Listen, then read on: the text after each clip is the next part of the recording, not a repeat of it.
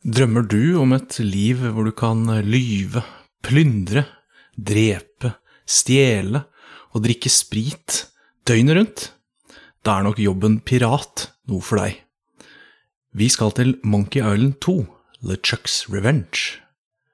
Du hører på CD Spill.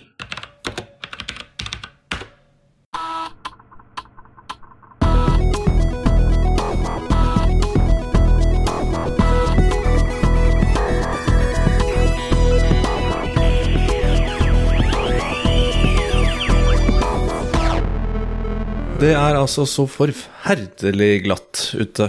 Um, og det står jo i alle landets aviser at man bør holde seg inne. Og tenker jeg, vet du hva, det er helt greit, det.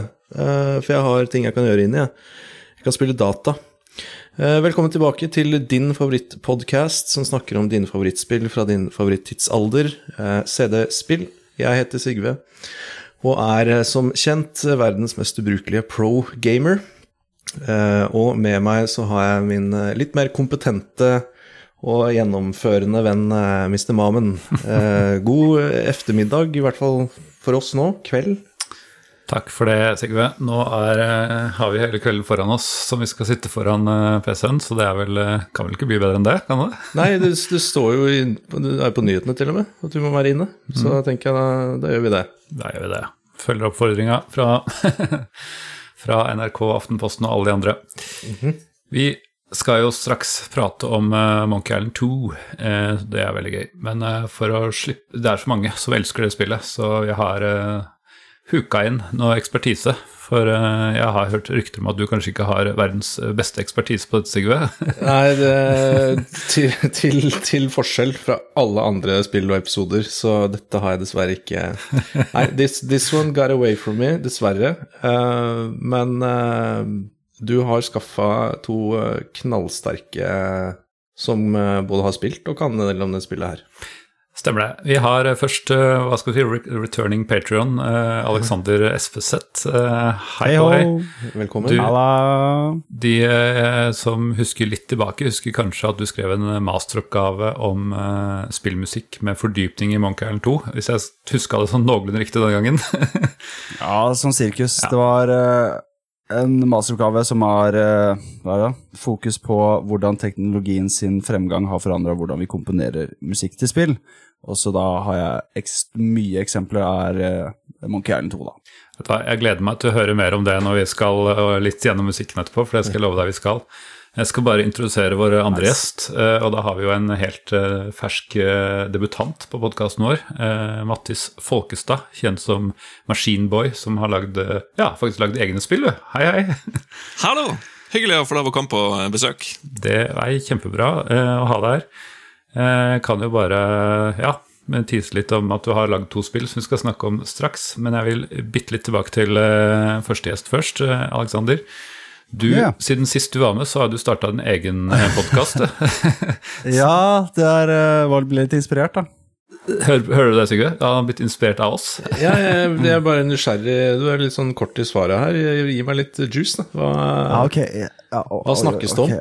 Du, det, det er jo tross alt jeg som har laga podkast, så da snakkes det om spillmusikk, selvfølgelig. Eh, vi, eh, det er meg og min gode kompanjong Sverre Dalbakk. Vi uh, En skal vi si en østfolding, så det er sikkert nært og skjært for dere. Men vi sitter da og bare preker om spillmusikk, og vi har jo begge to utdanning innenfor musikk og har mye interesse innenfor spill, og da blir det sånn sånn ganske kraftig overlapp. Så da sitter vi bare og preker en time i, i uka om spillmusikk. Det høres jo egentlig veldig kult ut. Eh, Vi er ikke flaue, vi kan ikke bare plugge Hva heter den? La oss plugg, plugg Å ja, sa jeg ikke det? Nei, nei, plugg den. Kom igjen. Eh, bleeps and bloops. Bleeps and bloops, det er kult. Er det bare prek, eller får vi høre noen snippets innimellom òg? Og det er masse snippets der eh, vi snakker jo om musikken, vi analyserer den noen ganger, noen ganger så bare snakker vi om minner der, og så hører vi litt på den. Og Veldig, kan jo også nevne med en gang at jeg var jo med på den forrige episode, eller forrige gang jeg spilte inn podkast, så var det din, hvor jeg var gjest hos deg og snakka om World Yes. of Goo, fordi det er en, eh, liker jeg veldig godt. Eh, Så selv om det begynner å bli en uke siden, har ligget ute flere uker allerede, så er det altså siste Grunnen til at jeg ikke har nevnt det før, er fordi jeg ikke har fått anledning til å spille en episode siden det.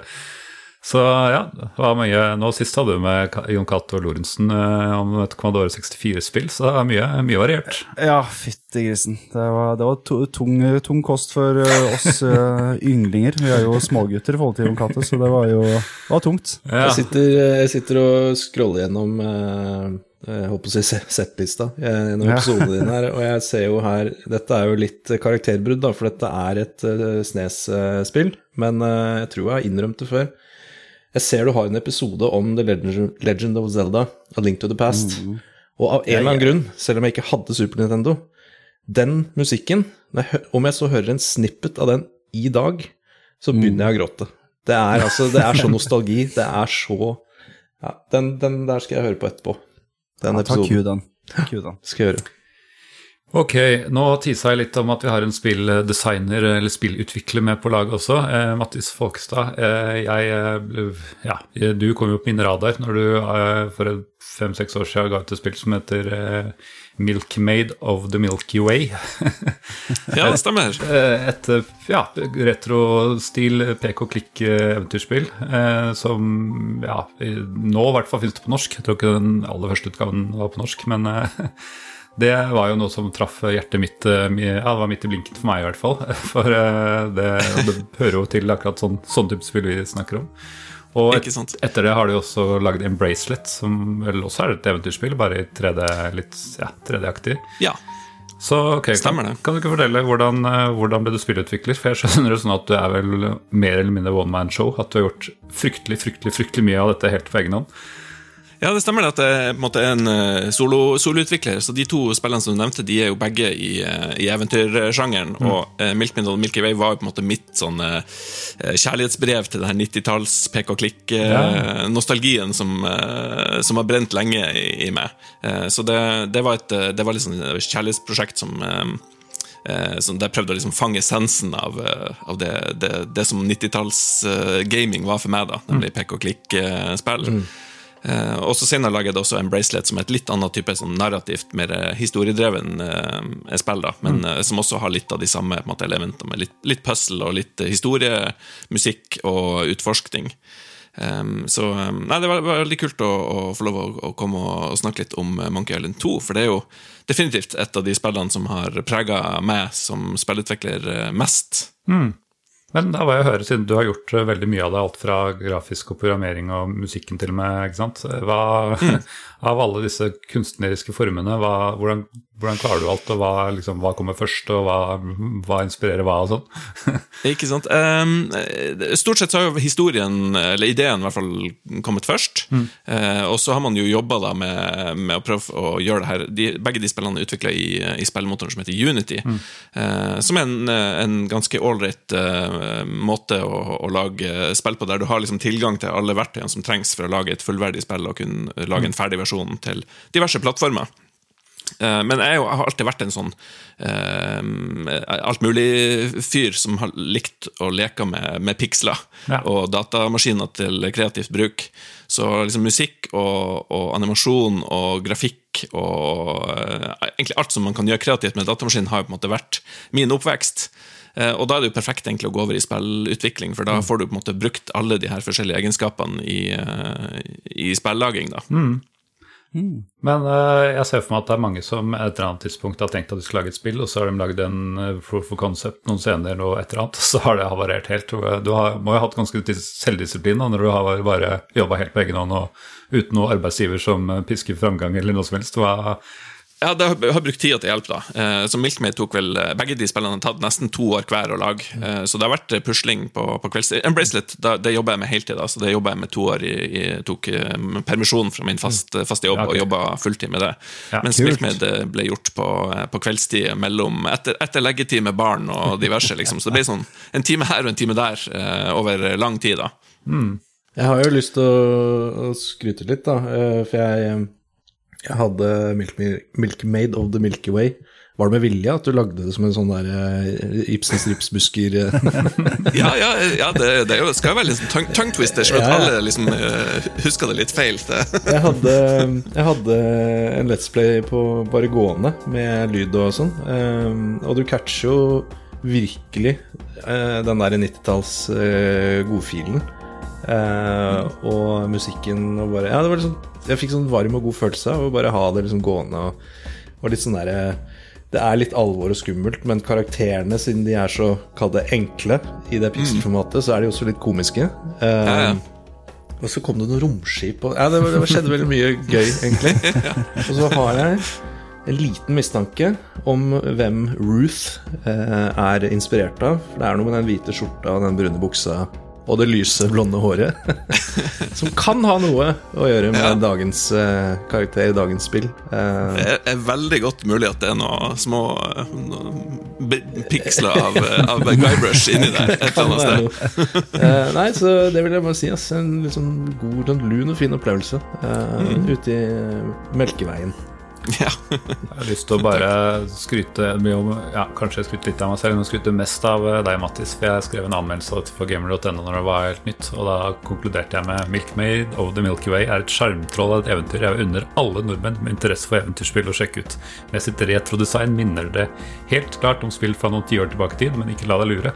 Det føles nemlig veldig unikt, og jeg klarer ikke å finne noen enkeltspill det ligner veldig på. Så det var min eh, take nice. fra den. Jeg husker Den den er sterk, den er sterk. Ja. Jeg kjenner jeg må gå og sjekke ut det spillet. Jeg har ikke spilt det før. Nei. Et koselig lite ja, En, en par timers maks er opplevelse. Kondensert. Så det, Perfekt. Helt perfekt. Nei, så Det er ikke for alle, men jeg tror definitivt det er for folk som liker dette spillet vi snakker om i dag, f.eks. Veldig kult. Men eh, du må gjerne skyte inn med sånne ting, tanker du har eh, underveis som eh, spilldesign og sånn. når Du har, du har sikkert kanskje lært litt av både, både godt og dårlig spilldesign gjennom tidene, så jeg gleder meg Ja, til å høre litt innspill her. jeg skal prøve, prøve så godt jeg kan. Vi tar som regel, eller som alltid, en liten titt tilbake på forrige episode for å se om det har kommet noen eh, kommentarer. For vi har jo eh, vår eh, Vi har en alliert på spillhistorie.no som skriver artikler, og vi har litt Facebook-sider og sånn. Så Sigve pleier å, jeg pleier å Han som er minst på sosiale medier, pleier å sende ut på, på internett for å tråle. Som en slags tråle. utegående reporter. Helt riktig. Helt Jo da. Eh, forrige gang så snakka vi om eh, spillet fra helvete, eh, Dungeon Keeper, eh, hvor oppgaven din er å ja, pusse opp og utvide helvete, egentlig, eh, til forandring fra hva skal jeg si, de andre i sjangeren, hvor du skal eh, rive ned og Ja. ødelegge helvete. Eh, vi, uh, vi får litt engasjement der, altså. Det er flere som har spilt det, det spillet her på eh, Facebook.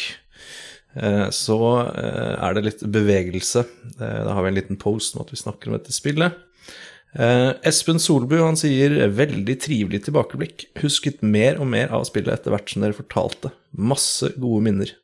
Der er vi på kjernen. Det er derfor vi driver med den podkasten her. Så det, det er koselig å høre. Anette Jøsendal, hvem i alle dager er det? Er det noe Hun må være ny. Um, hun har aldri spilt spillet selv, og kan ikke si at jeg skjønte noe mer av det etter å ha hørt episoden. Dette må være det mest kaotiske spillet dere har snakket om. uh, fin start på årets sesong med gjesten som fikk flest stemmer uh, som favorittgjest i 1993-episoden. Godt å ha dere tilbake. Takk for det. Og til Ekerhold, der fikk du den. Eh, En liten bekreftelse der. Jeg lurer jo bare veldig fort på hvorfor Anette ikke eh, Har hun ikke sett det heller? Eh, Jeg hadde jo heller ikke spilt det, da, så det, var- det er ikke du ellers. Det var Nei, jo egentlig vår gjest som. Sto var- for underholdninga der. Så det er skyld skylder på at han var sånn- dårlig til å forklare. Det var sånn det var. Der var det ingen som hadde spilt det. Nå har Nei. alle spilt det, unntatt meg. Ja, Ja. riktig. Eh, Erlend Magnus Wiggen eh, sier Dungeon Keeper var et ekstremt oppfinnsomt spill da det kom ut, og jeg har gode minner fra det, også fra multiplayer på LAN på 90-tallet. Husker spesielt multiplayer-lobbyen, der alle spillerne styrte hver sin hånd over verdenskartet for å velge brett, og man kunne klaske bort andre spilleres hender som prøvde å velge brett man ikke ville ha. Perfekt. For øvrig er spillserien Dungeons en åndelig, åndelig oppfølger til Dungeon Keeper. Jeg har ikke spilt noen av Dungeons-spillene selv, men ifølge Steam Reviews og Metacritic er treeren og fireren veldig bra. Til dere som ble nysgjerrig etter forrige episode, da vet dere hva dere kan sjekke ut av mer moderne. Og Raymond Møgster Søreide sier 'på tide', ja. Godt å høre. Har måttet ty til repriser og andre podcaster siste tiden. Greit alternativ, men blir jo ikke det samme. Ja, for dette Årets første, vet du. Ja, men det er koselig. Ja. Ehm, ja, det handler ikke om spillet lenger nå. Eivind Kvåle også sier 'på tide'. Ja, ok. Eller om det er Ja. spillet han gleda seg om. Begge deler. Eh, Ivar Goldenboy-lobben. Denne har jeg venta på. Begynner på den ved første anledning. Uh, hvor da Eivind Kvåle er tilbake og svarer Goldenboy. Hørte introen og kjente virkelig abstinensene øke. Deilig å ha den tilbake. Da er det faktisk podkasten vi snakker om. Okay, det, er, ja. det er koselig. Det er Veldig meta, koselig. med meta, men det er greit. Litt meta. Vi, vi tar det. Vi tar det. Ja. Eh, Jeg ser også at det har kommet en eh, liten kommentar på spillhistorie.no fra Tristian eh, Ersdal. Um, ja, eh, Det er litt lenger der, så jeg tar bare en forkorta versjon. Men eh, han skriver at jeg husker jeg spilte spillet på slutten av 90-tallet, kom aldri så langt, um, men har det på GOG, så må teste det igjen. Det er vel mange som har veldig mye spill på GOG, tror jeg. Som, så, Um, det ble nevnt at Dungeon Keeper 1997 introduserte no, eller noe i den duren mekanikken med å få tilgang til nye enheter og bygninger på hvert nye brett, men det var jo allerede mekanikk som var i Warcraft 1 og Command Conquer 1 uh, osv. Uh, ok, vil, Hvis det ble sagt, så tror jeg ikke det Ja, da beklager jeg. Vi, vi, vi vet jo det. Men, uh, Vi legger, vi legger oss flate. Ja, vi legger oss flate med en gang. Ja, helt, helt flate. Ja. Og så, ja, Det står litt til, så det er bare å gå inn på spillhistorie.no, og ditt favoritt uh, sosiale medium, hvis du skal lese noe Det mer. er helt riktig, fordi Joachim Froholt er vår gode venn, og han har en sykt bra uh, internettside som heter spillhistorie.no. Mm. Så sjekk ut den uansett. Ja. Har dere noe forhold til Dungeon Keeper, forresten? eh, Mattis og Aldri, aldri spilt. Nei. Jeg var jo en Amiga-gutt på, på 90-tallet, så for meg så var det eh, Ja, du skulle jo ha bra grafikk, du. Du skulle ha bra Ja, lyd. Ja, ok. ja. Har du yttet som Ja, spill altså- på Amiga? Ja, det har du jeg faktisk gjort. Og mitt første spill var eh, Mitt offisielt første spill eh, ble gjort eh, i også et adventure-spill som heter Madhouse Indian Spirit, Oi. som kom ut i 1995. Kult. Um, ble laga i Amos Pro, det fantastiske programmeringsverktøyet til, eh, til Amiga. Og, um, helt obskurt, selvfølgelig. Gitt ut eh, til, Sendt noen disketter over til England og hørt egentlig aldri noe mer. Bortsett fra at det dukka opp i ei bok om um, de 100 beste public domain-spillene til Amiga, på, som kom for eh, sånn type ti år siden, den boka. Okay, det er kult. Så da fikk jeg jo liksom redemption på at de diskettene er sendt ut fra, fra Hamarøy, de, de traff tydeligvis en eller annen Jeg sitter person. og, sitter og ser på en Let's Play på YouTube nå av Madhouse Indian Spirit. Så Det er faktisk noen som har, som har check it out. spilt det. Ja. Ja, check it out. Det er utrolig kult. Ting som kastes ut, det, det har den tendens til å leve i noen, i noen få, få sinn rundt omkring. Jeg var jo, vi hadde jo et, vi må jo bare nevne vi hadde jo en episode om Destroy, spill som ingen har hørt om, som, for et års tid siden. Og da plutselig så tok jo eh, min søster Anette kontakt med dem på for franske utviklerne på mail og greier. Fikk masse inside, masse sånn ekstra info som ingen andre i verden har noen gang hørt om. Så ja, kult. Kult. All right, men da, har vi, da er vi over introsekvensen, og vi starter omsider på dagens eh, spill. Og det er eh, Ja, det vet du allerede. Monkey Island 2, Litchucks Revenge.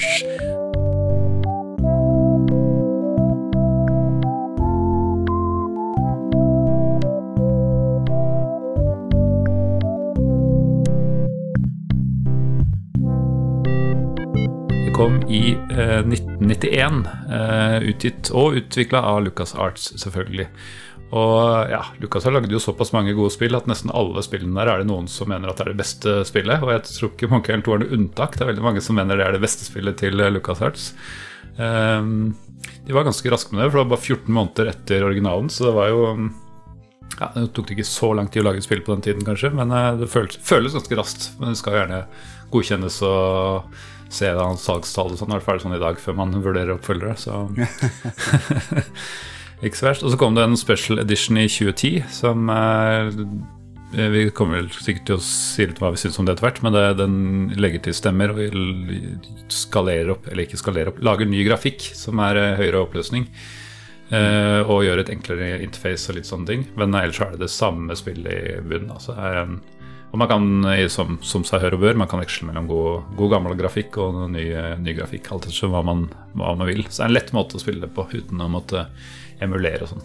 Ellers har vi selvfølgelig sånne flotte prosjekter som Scum VM, som, eh, som gjør det ganske lett å spille gamle klassikere uansett.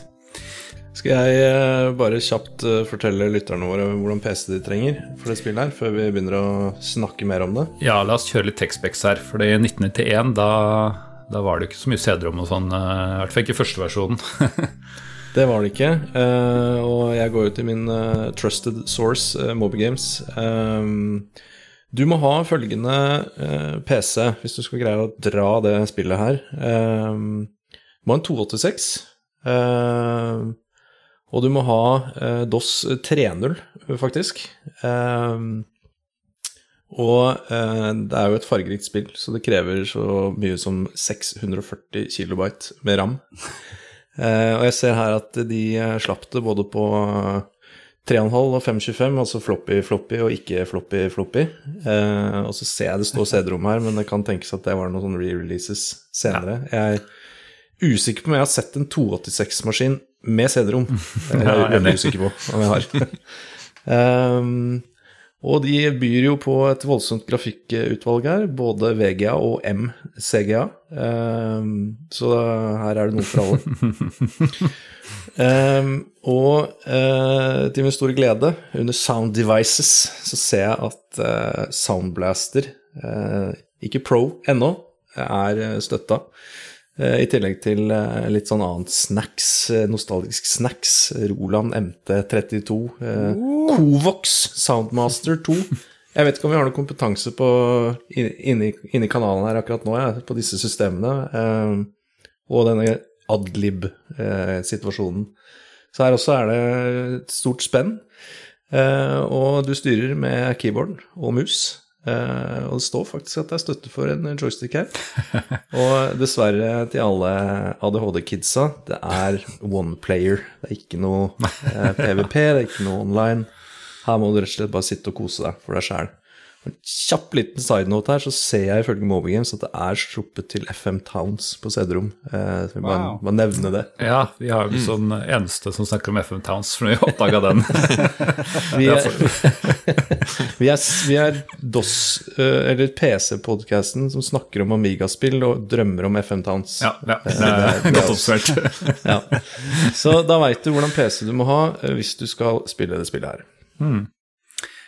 Er det Ja, hvis vi bare skal Vi, skal, vi skal snart, må snart spoile alt sammen, men eh, For det er jo en veldig historiedrevet spill og en eh, absurd ending, alt mulig. Men hvis vi skal, eh, før vi begynner på det, da Er det noen som har noen minner om Vet, vet dere når dere spilte dette første gang? Og hadde dere spilt eneren først? Jeg, er litt usikker på, men jeg tror ikke jeg hadde spilt ferdig eneren. Så for meg så var liksom Monkey Island 2 det første ordentlige liksom, Monkey-opplevelsen. Eh, Jeg er ganske sikker på at jeg spilte i, i motsatt rekkefølge. Eh, så, men jeg var, gikk på videregående var, jeg, spilte jo da på i Amiga-versjonen og, og satt og, og bytta disketter mer enn styrt Guybrush, følte jeg til tider.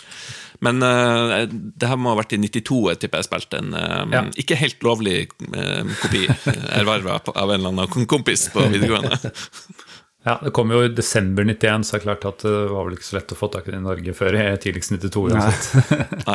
Hva med deg, eh, Alex? Du, jeg tror eh, Jeg vet ikke helt om jeg tør å si dette høyt, jeg. Ja. men eh, jeg er jo tross alt født i 95. Ja. Så jeg har jo Det var liksom litt vanskelig for meg. Ja, det, ah, det har vært noe. Men nei, du, jeg er av den rare skole at jeg spilte Special Edition først, ja. I 2010 så husker jeg at jeg fikk det av moderen, og da var jeg lost. Da fant du ikke meg lenger, for det var, da var jeg helt gone. Så jeg tror jeg spilte gjennom sånn fra jeg fikk det. For det, det var sånn veldig fin tid. Fordi da fikk du liksom et, et par spill her og der i året. Ikke sånn 200 spill i Steam-lista og bare fyller seg opp, og du har sånn eh, Du klarer ikke helt å velge spill, men uh, Monkey Island, det, det var sånn Jeg tror jeg spilte gjennom først, eh, fra jeg fikk det, på sånn og fram til jeg fikk Special Edition 2, så tror jeg jeg spilte sånn syv-åtte ganger igjennom. Fordi jeg bare Jeg har klart ikke å legge det fra meg. Kjenner du det godt? Men hadde du spilt en, eller har du spilt eneren? Gjorde du det først? Ja, eneren er først, og så fikk jeg Special Ja. Edition på toeren. Ja, Special Edition på eneren, og så Special Edition på toeren. Yes, det var det jeg mente. Kult. Ja, ja. Nei, men det er kult.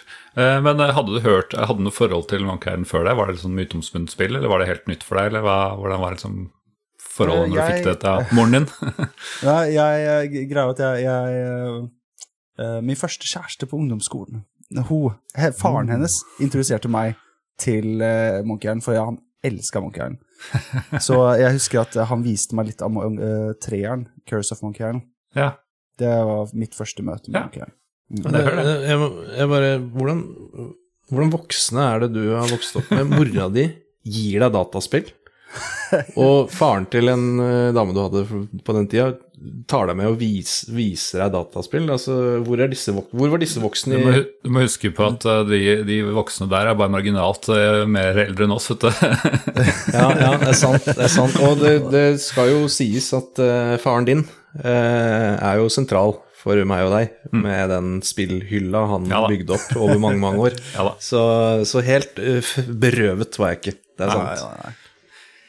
Ok, ja, vi må gå litt inn i, i settingen her. Um, er det noen som på strak arm klarer å ta en sånn to minutters oppsummering av hva som skjer i Monkey Island 1, bare for å liksom sette, sette hvor det starter den? Oi. Eh, ja, ja, ja, skal jeg prøve? Skal jeg prøve? Ja, kjør, Kjør, prøv. Jeg tar forskjell. Okay, Hvis ikke, så, det- tar jeg over. Ja, ja, vær så snill. da blir det Eh, dårlig. Guy Shripwood eh, kommer inn, skal bli pirat. Uh, skal gå gjennom de three trials. Eh, der eh, går han i three, three trials, og så eh, skal han da ut, og så er det vel Åh, vent da, LeChuck eh, holdt jeg på å si, uh, Governor Marley. Ta Governor Marley, og så ender det opp med at du må sette sammen et crew for å komme deg til Monkey Island. Stemmer det?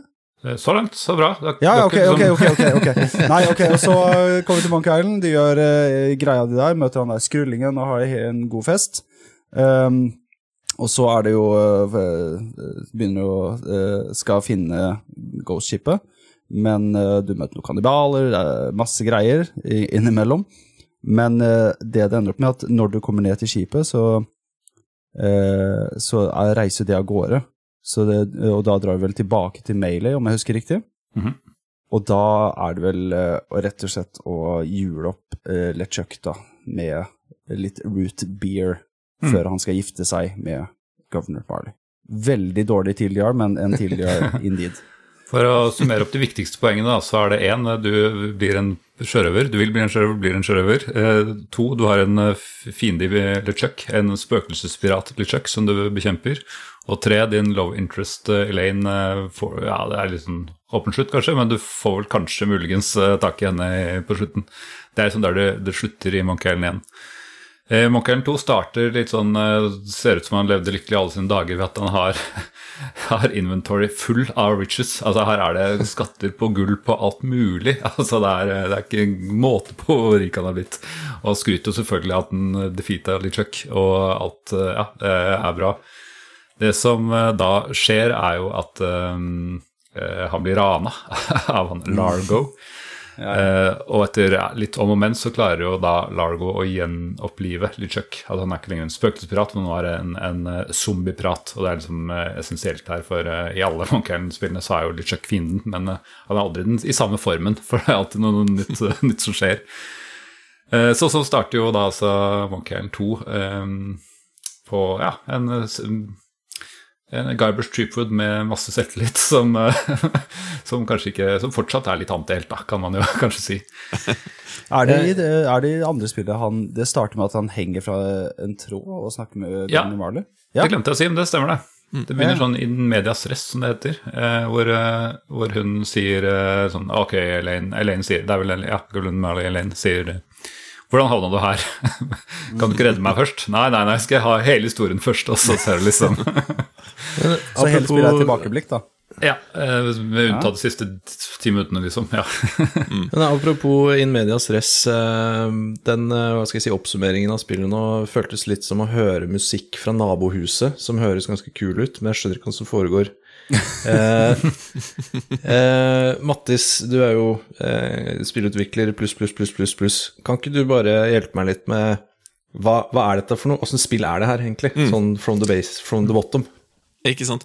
Det her er jo um, en, en pek og klikk-sjanger der du på en måte utforsker, uh, løser gåter, plukker opp ting, snakker med folk, Uh, gjør, løser forskjellige gåter da, uh, for å drive historien framover. Og historien i både én og to er jo fantastisk. Morsomme spiller. Det er kjempemorsomme, gøye pøns og twister i historien, eh, og, og veldig masse eh, kult som, som skjer da. Så, så eh, halvparten av spillet er på en måte gåteløsning, mens det andre er jo liksom bare for å eh, Hva er neste vits som, eh, som kommer til å dukke opp eh, bak, bak neste, i, i neste skjerm, da. Men det, det har en veldig sånn morsom, litt sånn metaaktig humor. Det er veldig masse mm, Som dere nevnte, Guybrush, som er på en måte hovedpersonen du spiller, er jo en veldig sånn antiheltfigur. da. Eh, litt sånn kjekkas og, og dum på en veldig sånn eh, sjarmerende måte. Mm. Eh, som jeg tror eh, traff veldig godt liksom, den, eh, den målgruppa som, den, som han oppstod i. da. Eh, en ung fyr med masse pågangsmot og, og gjør masse galt, både med vilje og uten vilje. Eh, og, og har en veldig sånn sjarmerende måte å komme seg rundt de forskjellige problemene som dukker opp. på det. Så dette er veldig sånn humoristiske, morsomme spill som, som definitivt eh, har satt preg på veldig mange sånn, eh, som, som var opptatt av spill på, på 90-tallet. Kult. Og det er jo en eh, parodi på piratkultur, eller Kari Karib Karibiens pirater på mange måter. Og det er jo inspirert av Det er litt sånn full circle der, men det er jo inspirert av Pirates of the Caribbean, som var en sånn tema-ride i uh, Disney Park. Ja, ikke sant? Før uh, Johnny Depp og sånn. Ja, ja. Eh, senere. Ja. Ja, og, når, og det har jo Jeg husker når jeg så første gang Pirates of Caribbean, tenkte at det er jo Monkey Island Det er jo en Monkey Island i filmform, på en måte. Så det er litt full circle. Ja, ja. Så ja, det er gøy. Men eh, ja, ja. Vi må nesten Det er så mye vi må snakke om dette, og den satt jo, satt jo kanskje tidenes eh, cliffhanger og ending og sånne ting. Eh, og jeg tror vi bare må bryte det med en gang. Kan ikke du, Mattis, fortelle hva som skjer i Monkey Island 2? I, du trenger ikke å sånn, ta 20 minutter, men sånn, i sånn grei, greit trekk, så man får få med seg hovedtrekkene i hva som skjer her. Så får eventuelt de som ikke vil vite ja. det, bare spole over. Ja. Spol over nå, og så, så spill, spill Monkey Island eh, 2 før, før dere hører resten. da. Ja. Nei, altså, eh, som du sier, så starta det med at du, du er på um, Du er kommet til ei øy som heter Scab Island, hvis jeg husker feil. Ja. Eh, Du er da søkkrik eh, og har hørt rykter om en stor skatt det vel, som heter Big Whoop, Mhm. som du skal prøve å finne. da Yes. Uh, og I korte trekk så blir du da eh, på, på den øya så bor det da en eh, guvernør som heter Largo, som eh, tar alle pengene dine eh, og gjør at du må begynne helt på scratch. da Eh, Og det viser seg at denne Largo er jo en, eh, en kjip fyr som gjør det livet eh, ganske dølt for de som bor på den øya her, alle er på en måte klar for å bli kvitt han der eh, kjipe piratkongen. da Eh, Så det du ender opp med å, å, å gjøre, da, det er at du eh, skal prøve å bli kvitt eh, Largo, da, og det gjør du da med å eh, eh, bli kjent med en eh, Eller gjen- du får et gjensyn med en sånn voodoo-kvinne som bor på øya. da Ja. Så du skal da ende opp med å lage en sånn eh, Ei voodoo-dukke som du kan da skade den her Largo-figuren med, og på en måte jage han ut fra øya. da Um, men prøv å tenke i, få ting i riktig rekkefølge. da Eh, Så det er når, Etter at du har da fått eh, gjort det her, uh, laga den dukka og jaga Largo av gårde, så skryter du da at det, det er jo du som har drept den her eh, farlige piraten Lichuk. Uh, og viser at du har tatt vare på skjegget hans. Det, det levende skjegget etter uh, Ja, for det lever, selvfølgelig. Ja, Skjegget. selvfølgelig et levende, levende skjegg. Eh, Så han skryter av det her da, til, til Largo, og, Largo tar det her med seg. Haha, nå skal vi endelig kunne eh, vekke til live den, eh, den døde piraten eh, LeChuck. Det, jeg må bryte inn, er det et sånn plotthull? Det så vi i Island 1 at han tok noe skjegg. Jeg kan ikke huske at han gjorde det, men eh, nå er det litt stei. Kan jeg ikke huske at det måte Men vi vet jo at i, i eneren så eksploderer jo LeChuck i Ja. tusen biter som en slags fyrverkeri, så det kan hende at en liten skjeggtust falt ned, og han fikk, Godt poeng, godt eh, poeng. fikk tak i det. Ja. Eh, også det som skjer da at, eh, etter at du um, for, eh, Måtte du få åpne opp eh, verdenen etter at du har fullført det Largo, det Largo Embargo, som den første delen av spillet heter. Og så åpner spillet seg opp. Det er flere øyer som du kan da reise til. Det er Fat Island. Eh, og så er det Booty Island. Det er vel de to øyene du kan eh, måte, De her tre øyene du kan reise mellom. da Og så er målet da å få tak i de forskjellige eh, Du, får, eh, skatt, du skal få tak i den eh, skatten som heter The Big Whoop, og den, eh, det skattekartet er delt inn i fire biter. da Eh, Så det er ganske sånn åpen Det kommer en åpen del i spillet der du da skal prøve å, å finne de delene til, til skatten for å på en måte komme fram til den store, store, fantastiske skatten som ingen helt vet hva er for noe. Jeg vet ikke om det er noe vi skal stoppe der, eller skal vi eh, Nei, da, jeg tror vi bare kjører gjennom hele historien, og så er vi ferdig med det. Så kan vi snakke fritt om alle elementer og sånn underveis. Så må dere bryte inn, for jeg er sånn, eh, selv om jeg nettopp har spilt det spillet igjen, eh, så, så, husker jeg ikke alt sånn i, i detalj. Men uh, uansett så klarer fall å få tak i Du ender opp da uh, eh, med å på en måte møte LeChuck mot eh, slutten av spillet. Eh, og da skal du da igjen lage sånn voodoo-dukke av eh, LeChuck for å på en måte få has på denne figuren. Kan jo skyte inn litt der mellom. Når du, når du har fått dette kartet, så havner du på en øy som heter Dink, Dink, Island. Dink Island, ja. Eh, og der, eh, Det er egentlig der ja, masse sånn puzzles der og sånn, men det er der du ender opp med å grave et hull, og så, og så henger du da etter denne snora som du, du starter ved, hvor, eh, eller tauet, og så sier Lane å ja, det var eh, Marley at sånn du, sånn du havna her, ja. og så når den akkurat er ferdig og skal bli redda, så ryker tauet eller noe sånt, så havner, den den nedi den derre eh, noen merkelige tunneler under denne dinkhælen som, mm. som, som er litt mystisk. Og da, som du sier, skal du Der er litt kjøkk, da. Som du sier, så kan du fortsette å fortelle om det mystiske slutten Ja, her. det er liksom det, den final showdown, showdown med, med LeChuck, eh, eh, der du prøver på en måte å lage ei eh, sånn eh, voodoo-dukke av eh, diverse deler. Du tar blant annet truser og røsker av en trusa, for eksempel. Og det er, sånn, det er mange morsomme gags i, i løpet av spillet. da. Eh, og så ender du opp med å klare å, å lage den voodoo-dukka og ende opp å, å rive av foten til, til dukka, og LeChuck ligger der. eh, eh, for, for, på måte for døden i, i de her korridorene under Dinky Island, og så sier han da Men vent, du er jo, vi er jo brødre. Som er den store Store i- Jeg visste jo ikke det her. Det er skikkelig, eh, skikkelig Star Wars-moment. Okay, Ja, jeg skulle akkurat spørre er det en Star Wars-greie. Er, Ja, Ja, det det. De, de, de bruker jo en del av, eh, av den direkte dialogen rippa fra, fra Star Wars. Da. Eh, og så viste det seg da at um, Igjen, en enda mer plot-twist da, er jo da at de kommer ut av de her tunnelene, uh, LeChuck og Guybrush, og så er viser det seg at de er i en fornøyelsespark, og foreldrene deres står og venter på de og lurer på hvorfor i all verden har de vært borte så lenge, og de to er små barn. eller i er da storebroren, litt eldre storebror eh, for lille, eh, lille Guybrush. Og idet de eh, måtte, går ut, ut av skjermen, så ser du at øynene til LeChuck gløder. Så det, var en, det her var jo en slutt som var ganske mm, sjokkerende på mange Monkey Island-fans. da Eh, Men det kan vi kanskje snakke mer om. Og så er det jo en sånn slags Er det, liksom, er det drøm, er det ekte? Fordi du ser også i en sånn post-credit-scene at hun uh, Golan Marley står der oppe. Hva har skjedd med, hva skjedd med, skjedd med Guybrush? Så du vet liksom ikke helt hva, hva er sannhet, og hva er Altså, er den ja. Nei, det var tidenes cliffhanger, og det er liksom Ja, det var sånn what the fuck for øyeblikk for meg, i hvert fall, når jeg, når jeg fikk det. Og den ble jo aldri sånn egentlig resolved fordi eh, Ron Gilbert som lagde det her, forlot jo skuta eh, rett etter det her. Mm. og så lagde de en oppfølger med Curse of Monkey Island, og så fant de på en slags eh, fortsettelse. Men det sa han jo med en gang, det var ikke sånn jeg hadde tenkt det. Men eh, ja, ja, det er dere som eier Reapen, så dere får jo gjøre som dere vil. Og så kom jo nå i 2022, så lagde han jo faktisk Return to Monkey Island, hvor han mm. ikke ser bort fra de andre, men som han på en måte sier sin variant av eh, I hvert fall sin nåværende variant av hva han, hva han tenkte. Så Det er vel ingenting som har ført til mer spekulasjoner gjennom eh, de eventyrspill, tror jeg, enn det, enn det her.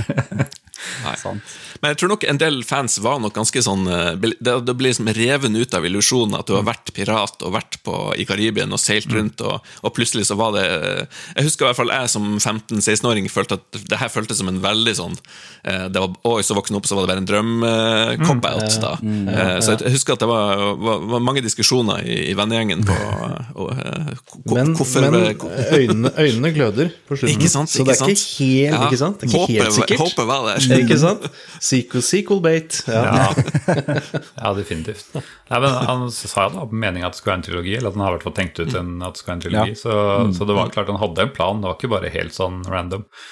Og jeg har vel hørt at denne slutten her er vel den eh, altså Det er jo folk hat, det er sånn elsk-hat-forhold. Det er som der finner du på lister over ti beste og ti verste endings i spill, liksom. Så Men uh, ja, la oss eh, ja, Hva syns du om den slutten, Aleksander? Ble du, ble du sjokkert? Eh, altså, jeg var jo bare så glad i å spille spill at eh, for meg var det bare Oi, shit, det var jo sjukt. Altså, jeg, jeg syns bare det var funny og morsomt. For meg ble det bare en stor komedie. Og så var det på en måte Jeg hadde jo ikke den derre Jeg har jo ikke vokst opp med spill på samme måte, så jeg hadde liksom ingen å snakke med spill, måte, om spillet. Så det ble liksom ikke sånn spekulasjon. Det var sånn Å, sånn det var spillet. Kult. Mm. Mm. Og så jeg visste jo heller ikke om Ron Gilbert, hvem han var i det hele tatt. Så jeg bare gikk jo rett videre til Curse og syntes det var dritfett. Mm. Så jeg, måte, det var liksom ikke noe sånn gap for meg. Det bare har aldri eksistert. Nei, altså det er altså, Ok, nå er det 90-tallet, siden det var da jeg hadde vokst opp, holdt jeg på å si, så var det veldig, veldig stort. Altså fra eh, 1990 til 91, det er liksom Jeg har hatt 14 måneder, det var jo ingenting. Men fra 91 til 97, av de åra der, i hvert fall med alt som skjedde når jeg gikk, var, gikk fra barn til tenåring og sånn, det var jo det var et livs, livsalder omtrent. Så ja, det var liksom noe nytt. Men eh, ja, Vi skal ikke snakke så mye om Curse akkurat nå, men eh, ja, det var i hvert fall eh, eh, Det gjorde inntrykk, da. Denne, jeg tror det gjorde inntrykk på alle som har spilt det, på et eller annet vis. Jeg, jeg har lyst til å Jeg er bare nysgjerrig på, før vi forlater eneren, for å si det sånn, helt eh, hva, hva, hva, var, det, var det et bedre spill, liksom? Var det noen endringer, eller var det bare en fortsettelse av eneren? Jeg vil nok si at det var et mer komplett spill enn eneren. Altså, den, den har jo, det er jo et større spill i, i scope. De, har også, de tilførte jo to måte, vanskelighetsgrader her. Det er jo en sånn light mode for første gang. Ja. eh, som også måte skulle gjøre det litt enklere å spille eh, for ny, nye til sjangeren. Eh, så de gjorde jo en del ting her, og, og med det iMuse-systemet med, med ja. musikk som forandra seg alt ettersom eh, Så de, de, det på en måte var jo en, en upgrade for, på mange måter, og ikke minst grafisk sett var det også en stor overgang fra, fra de håndtegna eller pikselbaserte bakgrunnene i, eneren til eh, håndmalte bakgrunner av eh, Peter Chan, som er en fantastisk eh, kunstner. Så det var det klart en helt annen look, da. Ja, så det var ikke bare en oppfølger, egentlig. Det var en, en upgrade også. Eh, jeg så du ble litt gira, Alexander, når iMuse ble Ja, nevnt. ja, ja. Har, du, har, har du lyst til å fortelle meg hva i alle dager det er for noe? Uh, iMuse er vel eh, systemet som ble vel Skal vi se om jeg husker det var Peter uh, Skal vi se, det var Land, McConnell og eh, jeg klarer ikke å si etternavn, men Clint, i hvert fall, eh, som utvikla systemet. Og det var jo rett og slett det, det er beskrevet som er et system som gjør at musikken beveger seg med fortellingen. Altså ut ifra hvor du beveger deg i spillet, så er, oversettes musikken. Det ble forklart som et orkester som på en måte alltid sitter klart og følger med på hva som skjer. Um, så Uh, her kommer jo den der eh, sletne mastergraden min igjen. Uh, jeg kan ja. få, endelig få lov til å bruke den. til et eller annet. Eh, det, det, er det er en Det gjør enhver gjennomspilling helt unik, fordi det vil aldri være mulig å gjenskape eh, samme eh, opplevelse av musikken når du spiller, fordi det forandrer seg ut fra hvordan spilleren beveger seg.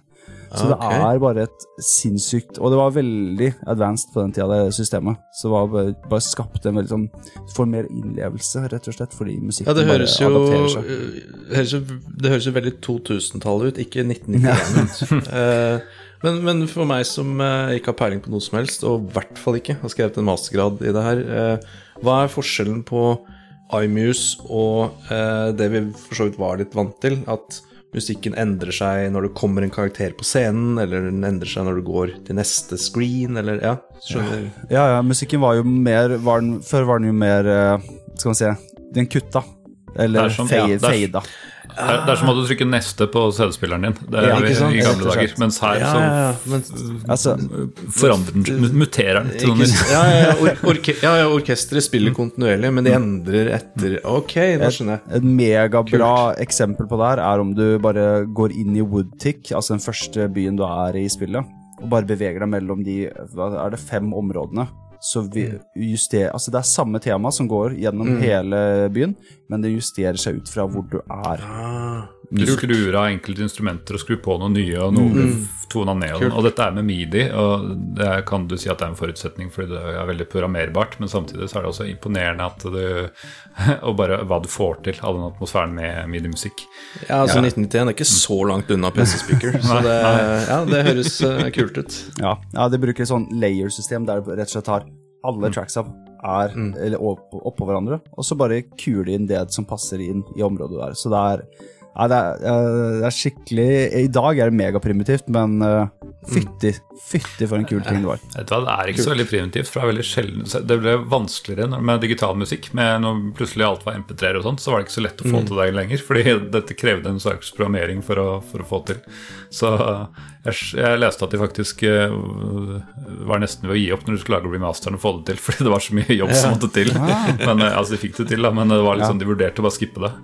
Men uh, den, den Wood- Woodtick som sier i starten, det er visstnok det mest avanserte iMuse. Og Selv om de brukte i alle etterfølgende spill, eh, så var visst den, det området sikkert der de showcasa det. Så det er, det, det er mest avansert bruk. Du skal ha en ordentlig god eh, demo av det, så, så gå litt rundt i de lokasjonene der og, og hør hvordan musikken forandrer seg. Og så er det ikke bare det at musikken forandrer seg, men det er jo også utrolig bra musikk i Monkey Ja. Island. Både én og to har veldig veldig kule låter som er liksom eh, Det er masse forskjellige sjangre som er miksa sammen. Det er en veldig sånn der, eh, bra vibe i det, som er veldig sånn lett og, og lystig og litt sånn teit til tider også. Men eh, veldig masse kul, kul, eh, kule instrumenter som er brukt, og, og litt sånn uvant. Det er ikke egentlig, Mange av de tingene er ikke sånn som du umiddelbart kanskje forbinder med sånn eh, pirat. Nei. Kanskje det er litt mer sånn bombastisk, eh, men her er det liksom lett og morsom og jazzete og masse reggae. Og det, er, det er veldig sånn kul vibe i, i, gjennom hele spillet, da, som definitivt eh, var med på å på en måte, gjøre Monkey Island-opplevelsen unik. Ja, for Det er litt interessant eh, det du sier der, fordi jeg har jo da dessverre ikke spilt disse spillene, jeg har ikke, eller jeg har ikke vokst opp med de, eh, men da jeg hørte introlåta i, altså holdt på å si nylig, da vi vel snakka om eneren, så fikk jeg nostalgi og god stemning med en gang, eh, i et spill jeg egentlig ikke kjenner, og kanskje egentlig ikke har hørt den musikken før, eh, og da tenker jeg, da, da er du god på, på, på lyddesign og på, på komp komposisjon. Ja, apropos det, er det ikke litt rart at de ikke bruker den temamusikken fra eneren i toeren? Eller det, jeg tror det er kanskje litt tona som bakgrunnsmusikk, men at de liksom ikke har det som bombastisk eh,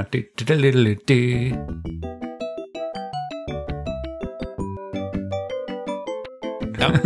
Det er veldig rart. De bruker det vel bitte litt i den introsekvensen med, eh, med de her apekattene som kommer inn helt i starten av eh, Da er det noen små hint av det, men den er liksom jazza opp på en måte som gjør at den, den, det forsvinner litt av det originale eh, måte, temaet som er veldig tydelig i Monkey Island 1. Da. Men det, det ligger der i bakgrunnen i en litt mer ja. I hvert fall rufsete versjon. På Amiga så var det jo også sant, Vi hadde fire, fire forskjellige lydkanaler på Amiga og masse floppy disk. Så akkurat det iMuse-systemet var ikke alltid sånn fantastisk på, på Amiga, da, men, mm. men hvis man hører midi-versjonen, da, så er jo det eh, den beste måten å oppleve musikken på i Monkey Island 2. Da.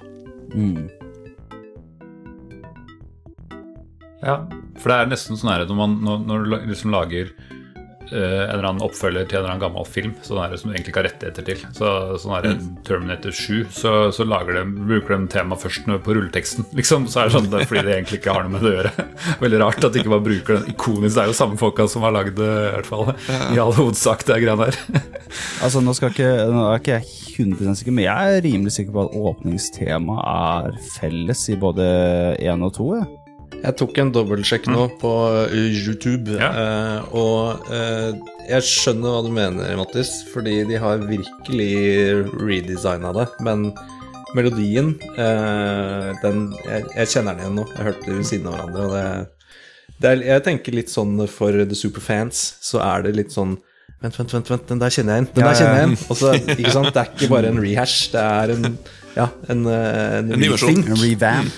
En revamp, ja. Så, så jo da, så melodi, den gangen, den er der, den, altså. Selv om den er blitt litt uh, fancy og modern. Ja, Er det noe annet eh, sånn favorittmusikk eller noe sånn veldig som har gjort inntrykk på dere i det spillet? her? Det første her jeg prater om, om ly, ly, lydbildet, eller musikkbildet. Jeg tenker eh, Woodtick er på en måte eksepsjonelt. Det, det er nok det du ser, at de brukte kanskje den uh, teknologien best der, da. Der du har de forskjellige scenene som er veldig tett knytta til hverandre. Og det er veldig lett å høre forskjellen på, på stemninga når du kommer ned i en liten sånn uh, sliten bar som er under vann i et av de skipene der, eller du går til snekkeren som uh, står og hamrer løs i, i timevis. Så det er veldig sånn le morsom og lett, ledig stemning. Også. men jeg må også si, liksom, for å gli over i grafikken, da, det er jo utrolig flotte bakgrunn og stemningsfulle bakgrunner i det, det her spillet. Da. Og Spesielt syns jeg da personlig at hele den første øya er, er veldig veldig kul, med det, som tar igjen liksom det blå, blå temaet fra Monkey Island 1, Ja. men, men uh, uppa det opp da med fantastiske eh, ma maleriske eh, bakgrunner. da. Det skal jo, det, Apropos det blå, det er jo altså, 1 kom originalt kun til EGA, og så kom VGA-versjonen senere. Men denne ble jo designa spesifikt for VGA. Altså er jo 16 versus 256 farger, så de hadde jo et mye mer fargerom å, å ta i. Men det, det, mye av det blå kom vel fra den begrensningen til hadde EGA. Hvis du skal ha kveld, så hadde du ikke så mye valg, liksom. Sånn at- Hva med musikk, du som er så glad i musikk? Du har sikkert noen meninger om eh, noen flere? Hva blitt Si noe om musikk. Ja. Lag noe musikk, da. Nei, uh, kom, kom igjen, da. Spill nå. spill noe kult. det er du som har gitaren i bakgrunnen der. Det er jo flere. Uh, nei, jeg er eh, ganske blodfan av Largo Legrand sitt tema. For det er bare så sykt um, Med mangel av bedre ord. Det har så sykt baller. Det, fordi han har så Altså, når du møter Largo, så er det jo en som har sånn der eh, dominant kar som kommer inn og rister ut alle penga du har, og bare behandler deg som dritt. Og du hører fra alle i Woodtick at han bare er et stort rasshøl. Og så er den eh, låta er sånn tung, men som har sånn, det føles som sånn blåsfølelse som bare er sånn skikkelig tung og litt eh, sånn derre Tenk deg litt sånn New Orleans-jazz, som har sånn der, litt sånn leken følelse, men også er den ganske tung. Og Da føler jeg at han kommer inn som en sånn bombastisk bastant. Så jeg bare føler at det matcher skikkelig bra med karakteren hans. Så det er, det er min Det tror jeg er mitt favoritt-track i, hele låt- i hele spillet. Kult. Det, jeg eh, vet ikke om akkurat det er favoritten, men det kanskje som gjorde mest inntrykk, var vel kanskje når du plutselig i en slags drømmesekvens får eh, 'Leg Bones Connected to Hip Bone'-sangen. Oh, ja, ja, ja, ja, ja. Classic. Eh, det er jo en eh, randomized hva som er connected to hva i den eh, her, og det er jo som svar på en puzzle litt eh, senere i spillet, men eh, jeg husker jo bare hva i all verden er det de hvorfor- i all verden får jeg altså det er tre minutters lange pause- pauseinnslag her? Det var ikke så åpenbart når jeg så det første gang. Og I Special Edition har du voice, så da har du jo at noen synger. Men når du bare hadde tekst på, så mener jeg å huske at den var litt langtekkelig, den greia der.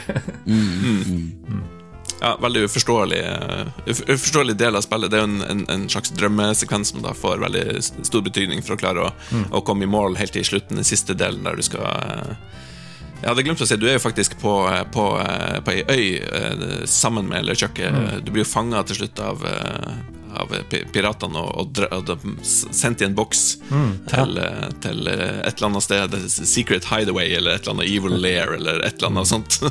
Eh, så, så det er jo, et, det er jo også en, en location i, i spillet der du skal måtte rømme fra LeChucks eh, onde leir. Ja, stemmer det. Uh, ja, Nei, tilbake til sånn eh, grafikk, grafiske uttrykk her. Jeg eh, ble jo litt uh, skuffa kanskje når jeg spilte der, fordi alt så jo forskjellig ut. Uh, altså Guybrush har fått en overhaling. Han, jeg skjønner jo poenget. Han skal være Han var veldig ung. ikke sant? Nå har han fått skjegg og skal se ordentlig ut, men han har jo helt nye klær og ser veldig annerledes ut.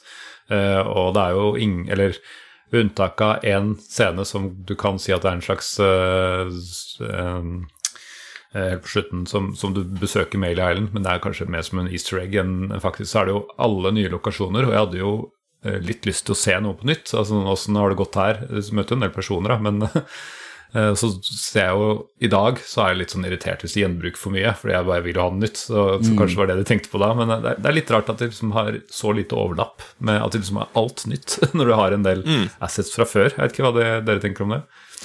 Jeg tror nok masse av det var, eh, var et sånn eh, ønske om å måte pushe sjangeren videre. da Det at du gikk fra eh, til, til skanna bakgrunner, da, var liksom en, en del av å, å, å måte få til bedre grafikk og, og enda mer fantastiske lokasjoner. da Så jeg tror nok det var en litt sånn eh, En, en ny æra i, i Lucasfilm, der de, eller Lux Arts, som de bytta navn til i, til det her spillet. Mm. Der de prøvde, prøvde nye mm, teknikker, eh, fikk inn flere folk som drev på med art, eh, og, og prøvde å få til enda mer sånn filmatiske eh, opplevelser. da Eh, så jeg, jeg, jeg, ja, jeg er jo veldig veldig glad i den, eh, eh, den, den stilen som er liksom pikselgrafikk, men håndmalt.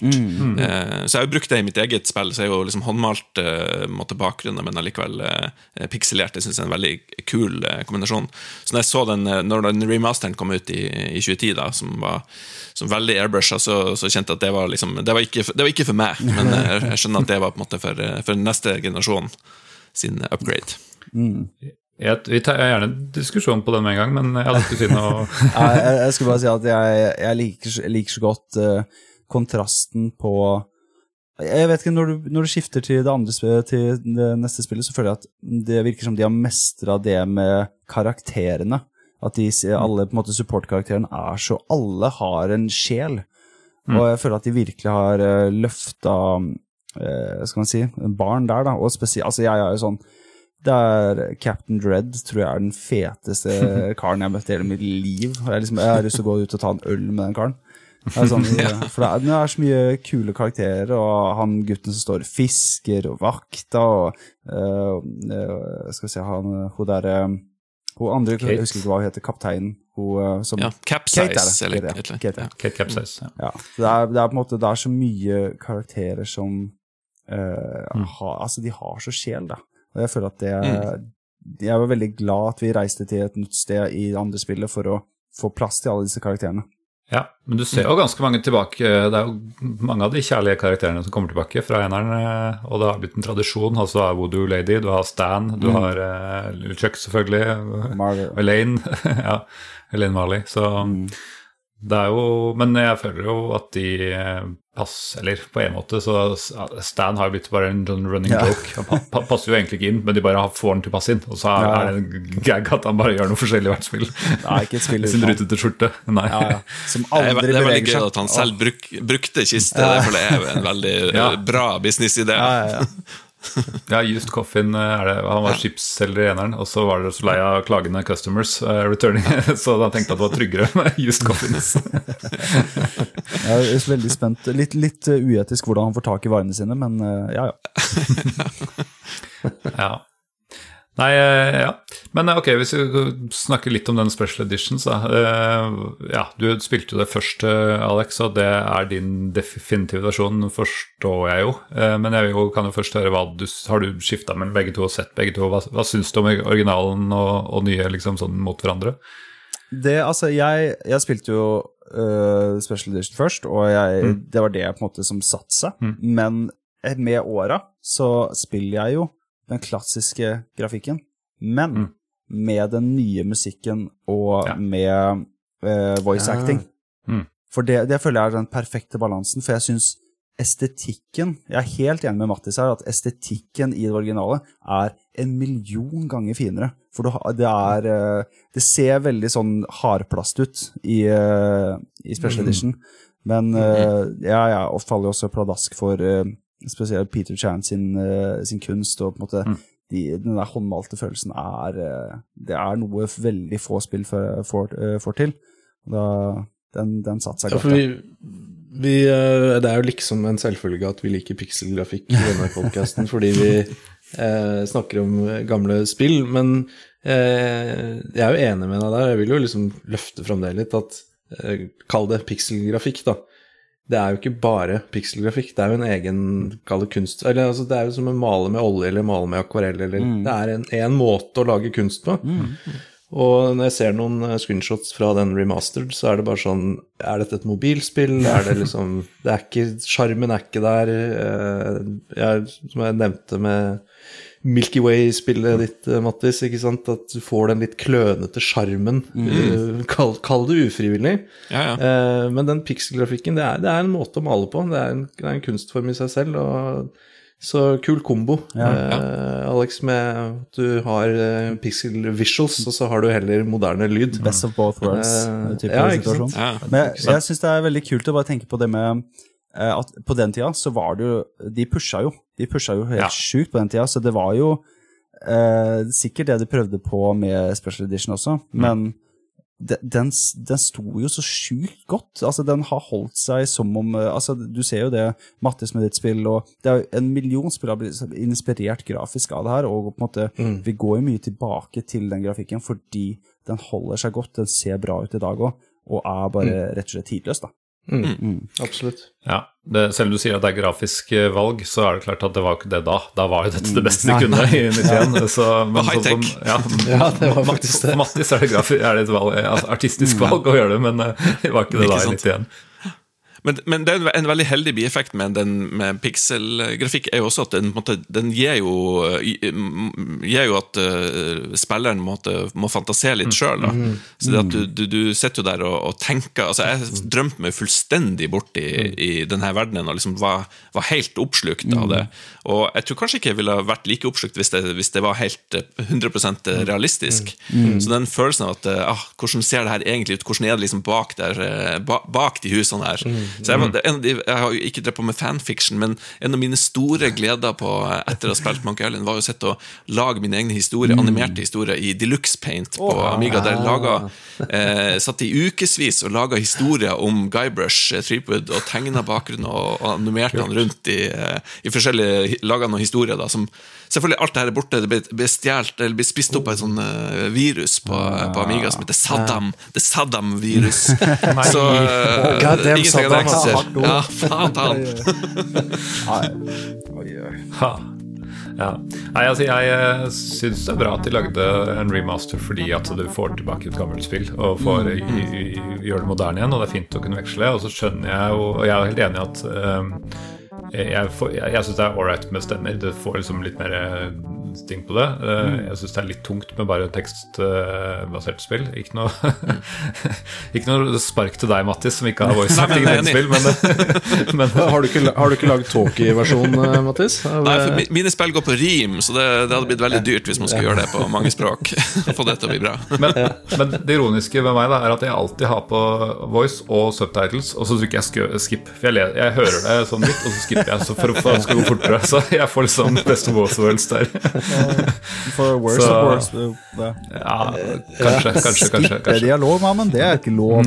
Nei, men jeg leser det Nå ble ferdig. jeg litt så- overraska, for det er jo jeg som skipper dialog. Ja, Det er jeg som spoler lår. du, du, du misforstår. Jeg leser teksten, og så skipper jeg. Så det, jeg Ah, ikke venter på at det skal catche up, bare så det skal gå okay. ok. fortere. Så jeg får med alle dialogene, jeg bare får ikke lest opp. Nei, bra. Men, da er det greit. Da er det greit. Ja, Da er det greit. greit, greit, greit. Men eh, jeg har tenkt litt på det at det er ikke så veldig mange andre måter å gjøre Altså Et sånt så gammelt spill, hvis du skal lage ny grafikk på det, så må du gjøre det på den måten. Altså Du kan velge annen grafisk retning, selvfølgelig, men du, du, altså, de, du må legge mer mening i disse pixelene enn det som var der. Ja. Og da valgte man det sånn, og da får man bare tåle det eller, eller ikke. Så jeg syns det er helt, helt fair, egentlig. Men eh, absolutt. ja, kult å sammenligne, uansett. Det er for øvrig bare Steve Purcell som eh, av de eh, grafiske tegnerne, eller artists, som, eh, som var med på både eneren og toeren. Så det er kanskje en grunn til at de, alle de andre har satt sitt eget preg, og at det derfor er mye nye lokasjoner og sånn. Og jeg leste litt sånn senere, i, eh, i, når de lagde Deo Tentacle, at eh, det da bevisst gikk de for en mer sånn at de skulle ha en over, sånn mal da, for at det skal bli likt. Fordi du kan se Jeg er ikke så god at jeg kjenner alle, alle stilene til alle, men det er ganske forskjellige scenene ser ganske forskjellige ut, da, spesielt på de forskjellige øynene. og sånn. Altså det, er, det er mulig å se at det er forskjellige folk som har tegna dem. Og så kan man jo selvfølgelig si at det er bra fordi det blir en variasjon, og så kan man si at det burde vært mer enhetlig, alt ettersom hva man, hva man vil. Men eh, ja, det er nå i hvert fall sånn.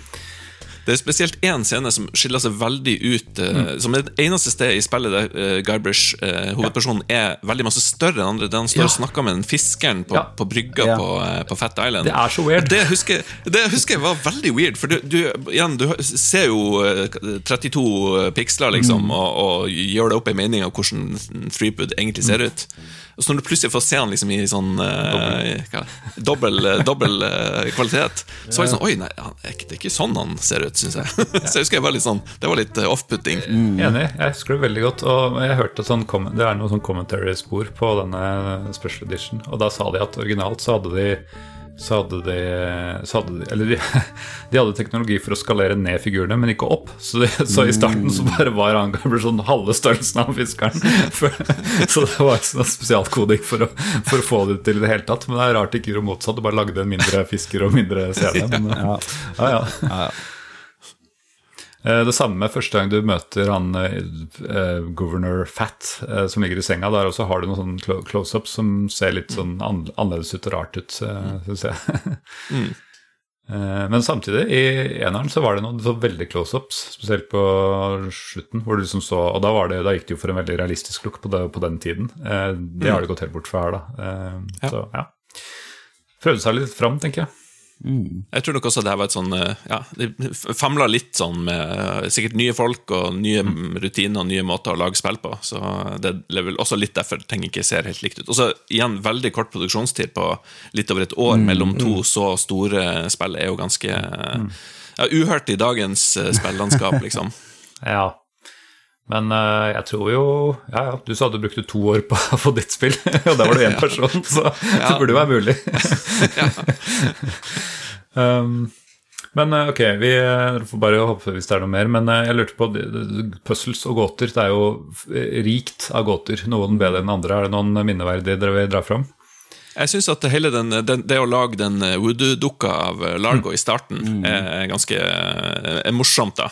Eh, Jeg må si at Det er, det er et ganske, egentlig et ganske vanskelig spill. Nå eh, ja. var det sikkert ti, ti år siden jeg spilte sist, Eh, og jeg sleit skikkelig med å komme gjennom det nå. Så jeg må si at det er den store bøygen med, med point and click adventure. Det er ganske masse sånn ulogiske tvister og, og tankesprett som du må ta for å få eh, historien til å fortsette. Eh, men, men jeg synes den starten på Jeg synes den, beste delen av spillet synes jeg faktisk er i, i starten. Eh, personlig, da. Med de gåtene med, der du skal på en måte finne liksom fire elementer av eh, Largo for å på en måte bygge voodoo-dukke av han. Mm. Det synes jeg er veldig morsom. eh, Får jo en sånn oppskrift av en voodoo lady med sånn something of the dead og something of the tread og ja, fire ting da, som er liksom på rim og sånn. Du vet ikke helt hva det, hva det betyr, men, eh, men finner ut av det. Men jeg er enig i at det er bra. Og så er det en pedagogisk oppbygging, fordi du skal jo bygge en voodoo-dukke på slutten også, så det er jo en sånn historie, historiefortelling, så er det jo ganske bra grep. Og ha liksom siste gåten Første og siste gåten lik, da, på en måte. Ja, ja. Absolutt. Jeg husker jeg, jeg, Det er kanskje ikke det jeg likte best, men jeg irriterte meg. Jeg husker jeg veldig mye over den spytte-questen. At du måtte, ha, måtte liksom få vinden riktig og måtte ha den der blandinga. og Det, det, var liksom, det var så mye. Det var liksom Stjernene skulle stå på rekke for at du skulle få til den spyttinga skulle gå riktig vei. Ah, det er- Du har liksom tre ting som gjøres for å vinne en spyttkonkurranse. Du må jukse på Du, du må jukse, du må Ja, du må gjøre ja, Du må blåse samtidig. Du, ja, det er liksom flere ting som Det er masse ting som du sier som må lines opp, som er ganske irriterende. Og så er det så irriterende og Det er litt sånn kritikka for åpne spill, i hvert fall eventyr, er at når du først kommer videre, så kommer du ikke videre. Altså, ok, nå klarte jeg å komme på tredjeplass istedenfor fjerdeplass i den spyttkonkurransen. De kom meg, hjelp meg ingenting. og det, det er kanskje litt sånn irriterende når du åpner opp med de tre øynene. Eh, altså, det er kjempe, kjempekult å få nye lokasjoner, og så er det ikke så kult når du besøker den for hundrede gang fordi du ikke skjønner hva du skal gjøre, og du må fram og tilbake og hente nye ting og sånn. ja. Ikke sant? Og Det er på en måte det farlige med, med veldig sånn åpne spill. Det, det, følelsen du gir spillerne, er jo sånn Oi, shit, nå kan jeg gjøre masse gøy. Og så andre bare Å, shit, nå er det altfor masse å gjøre. Jeg skjønner ikke hva jeg skal gjøre. Hvor, skal jeg, hvor burde jeg vært den nå? Den følelsen sitter igjen setter, satt jeg litt sånn og, og kjente litt på nå når jeg spilte igjen. At det, det er ganske masse sånn eh, backtracking frem og tilbake. Å, jeg burde ha plukka opp den der tingen på den øya der. Og så, ja. så det er en del av sånn Det er jo den klassiske um, ja, eh, backtracking-opplevelsen eh, ganske, står ganske sterkt der. Jeg leste at de bevisst hadde De satt jo med flowcharts og sånn, at de bevisst hadde sagt at for å få tak i disse kartdelene, så måtte alle, alle måtte, hadde, for, hadde elementer på alle øynene. Så bare sånn for å ikke, gjøre det mest mulig avansert. Og det, det, det, er ikke, det gjør ikke sånn gjenspillbarheten kjempe Det blir ikke god gjenspillbarhet av det. Men jeg føler vi må ta opp den kanskje den verste puzzle-design i eventyrspills historie, som altså er eh, når du trenger en trenger en skiftenøkkel. Uh, og hvis du bor i USA, så kanskje vet du at det kalles monkey wrench, og da skjønner du at denne apekatten du plukker opp i spillet, den kan du bruke til å gjøre det. Men for vi som ikke bor i USA, så er det helt strange at en apekatt skal brukes til å skru en ventil. Det føles bare helt random. Altså, det, er, det kunne, kunne like gjerne vært en fisk. Det er samme for oss, liksom. Det har ingenting å si.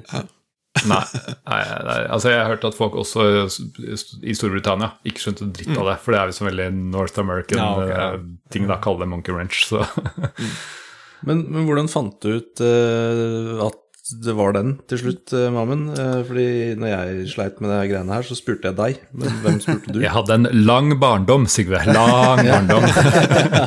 og det hadde mye inventory og mye that's doesn't Work med prøve alt med alt og alt. Ja. Ja. Det er sant det. Når du går på barneskolen, så har du mye fritid etter jobb. Så Prøving og feiling var liksom ikke så ille på den tida. Nei, nei. Mens nå i dag er jo det ganske ja, det er en ganske spesiell eh, spillmekanikk å, Ja, å prøve å få spilleren til å gjøre. Prøv helt til du får det til. liksom det, Ja, det er ikke så Så populært veit om jeg at. Mamen var ikke flau for å finne fram penn og papir heller. Eh, Så det kan jo tenkes at det blir gjort noen notater. Ja, nei, men jeg elsker i hvert fall i dag, jeg elsker sånne puzzler hvor du plutselig er innlåst i fengsel og sånt, for da veit du at nå har du et begrensa antall Nei, Du trenger ikke å backtracke, du er her. Du, Ja, ja. du- Løsningen på åssen kommer deg ut, fins her i rommet et eller annet sted. Det er Kjempegøy. Jeg husker også veldig godt den der, um, den der tallgreia. Som er oh, Det er henda som kommer ut av døra, så er det vel det du, han viser minus eller pluss det forrige, og så er det bare helt sånn her fram og tilbake. Ja, det, er, det, tok, det tok lang tid for meg å plukke opp hva, hva, måte, hva var linken her. Det var, Ja, for du, du kan ikke gjøre det random, for du må klare det tre ganger på rad. Så, du vil alltid, så når du har én av fem sjanser, vil du alltid en eller annen gang slumpe til. Men du, når du ikke skjønner hva i verden som var riktig med det, og hvorfor det ikke var riktig neste gang, så er det umulig. Ja. Jeg må jo sies at mange av de puzzlene som er veldig vanskelige i Mankarin 2, er jo ikke med i den light eh, vanskelighetsgraden, da. Men det som er litt sånn Jeg har faktisk aldri spilt en light-versjon sjøl, men eh, det er gøy at det, er veldig masse enklere og det er veldig masse kortere vei til, til mål. Mm. ulempen er at du, går glipp av en god del av eh, ganske store biter av spillet som bare er borte, rett og slett. Kutta ut. For at du får en, en bit av kartet ganske enkelt, og, eh, og veldig masse av humoren også ligger jo i de puzzlene. Mm, Altså, det er jo masse, veldig masse morsomme animasjoner med, med Guybrush og mista buksa og, og skal liksom grave opp et bein, og det beinet flyger opp i lufta og treffer han i trynet. Liksom. Og det, det er veldig sånn slapstick, eh, masse, masse gøy da, som, eh, som, som jeg ligger i opplevelsen av å klare, klar det til slutt. da. Jeg tror nok jeg eh, Jeg er jo eh, ærlig og åpen på det, at eh, pek og klikk eh, er ikke noe for meg. eh, Og var det vel ikke da heller, men det var det vi hadde. eh, Så jeg har jo kost meg i timevis.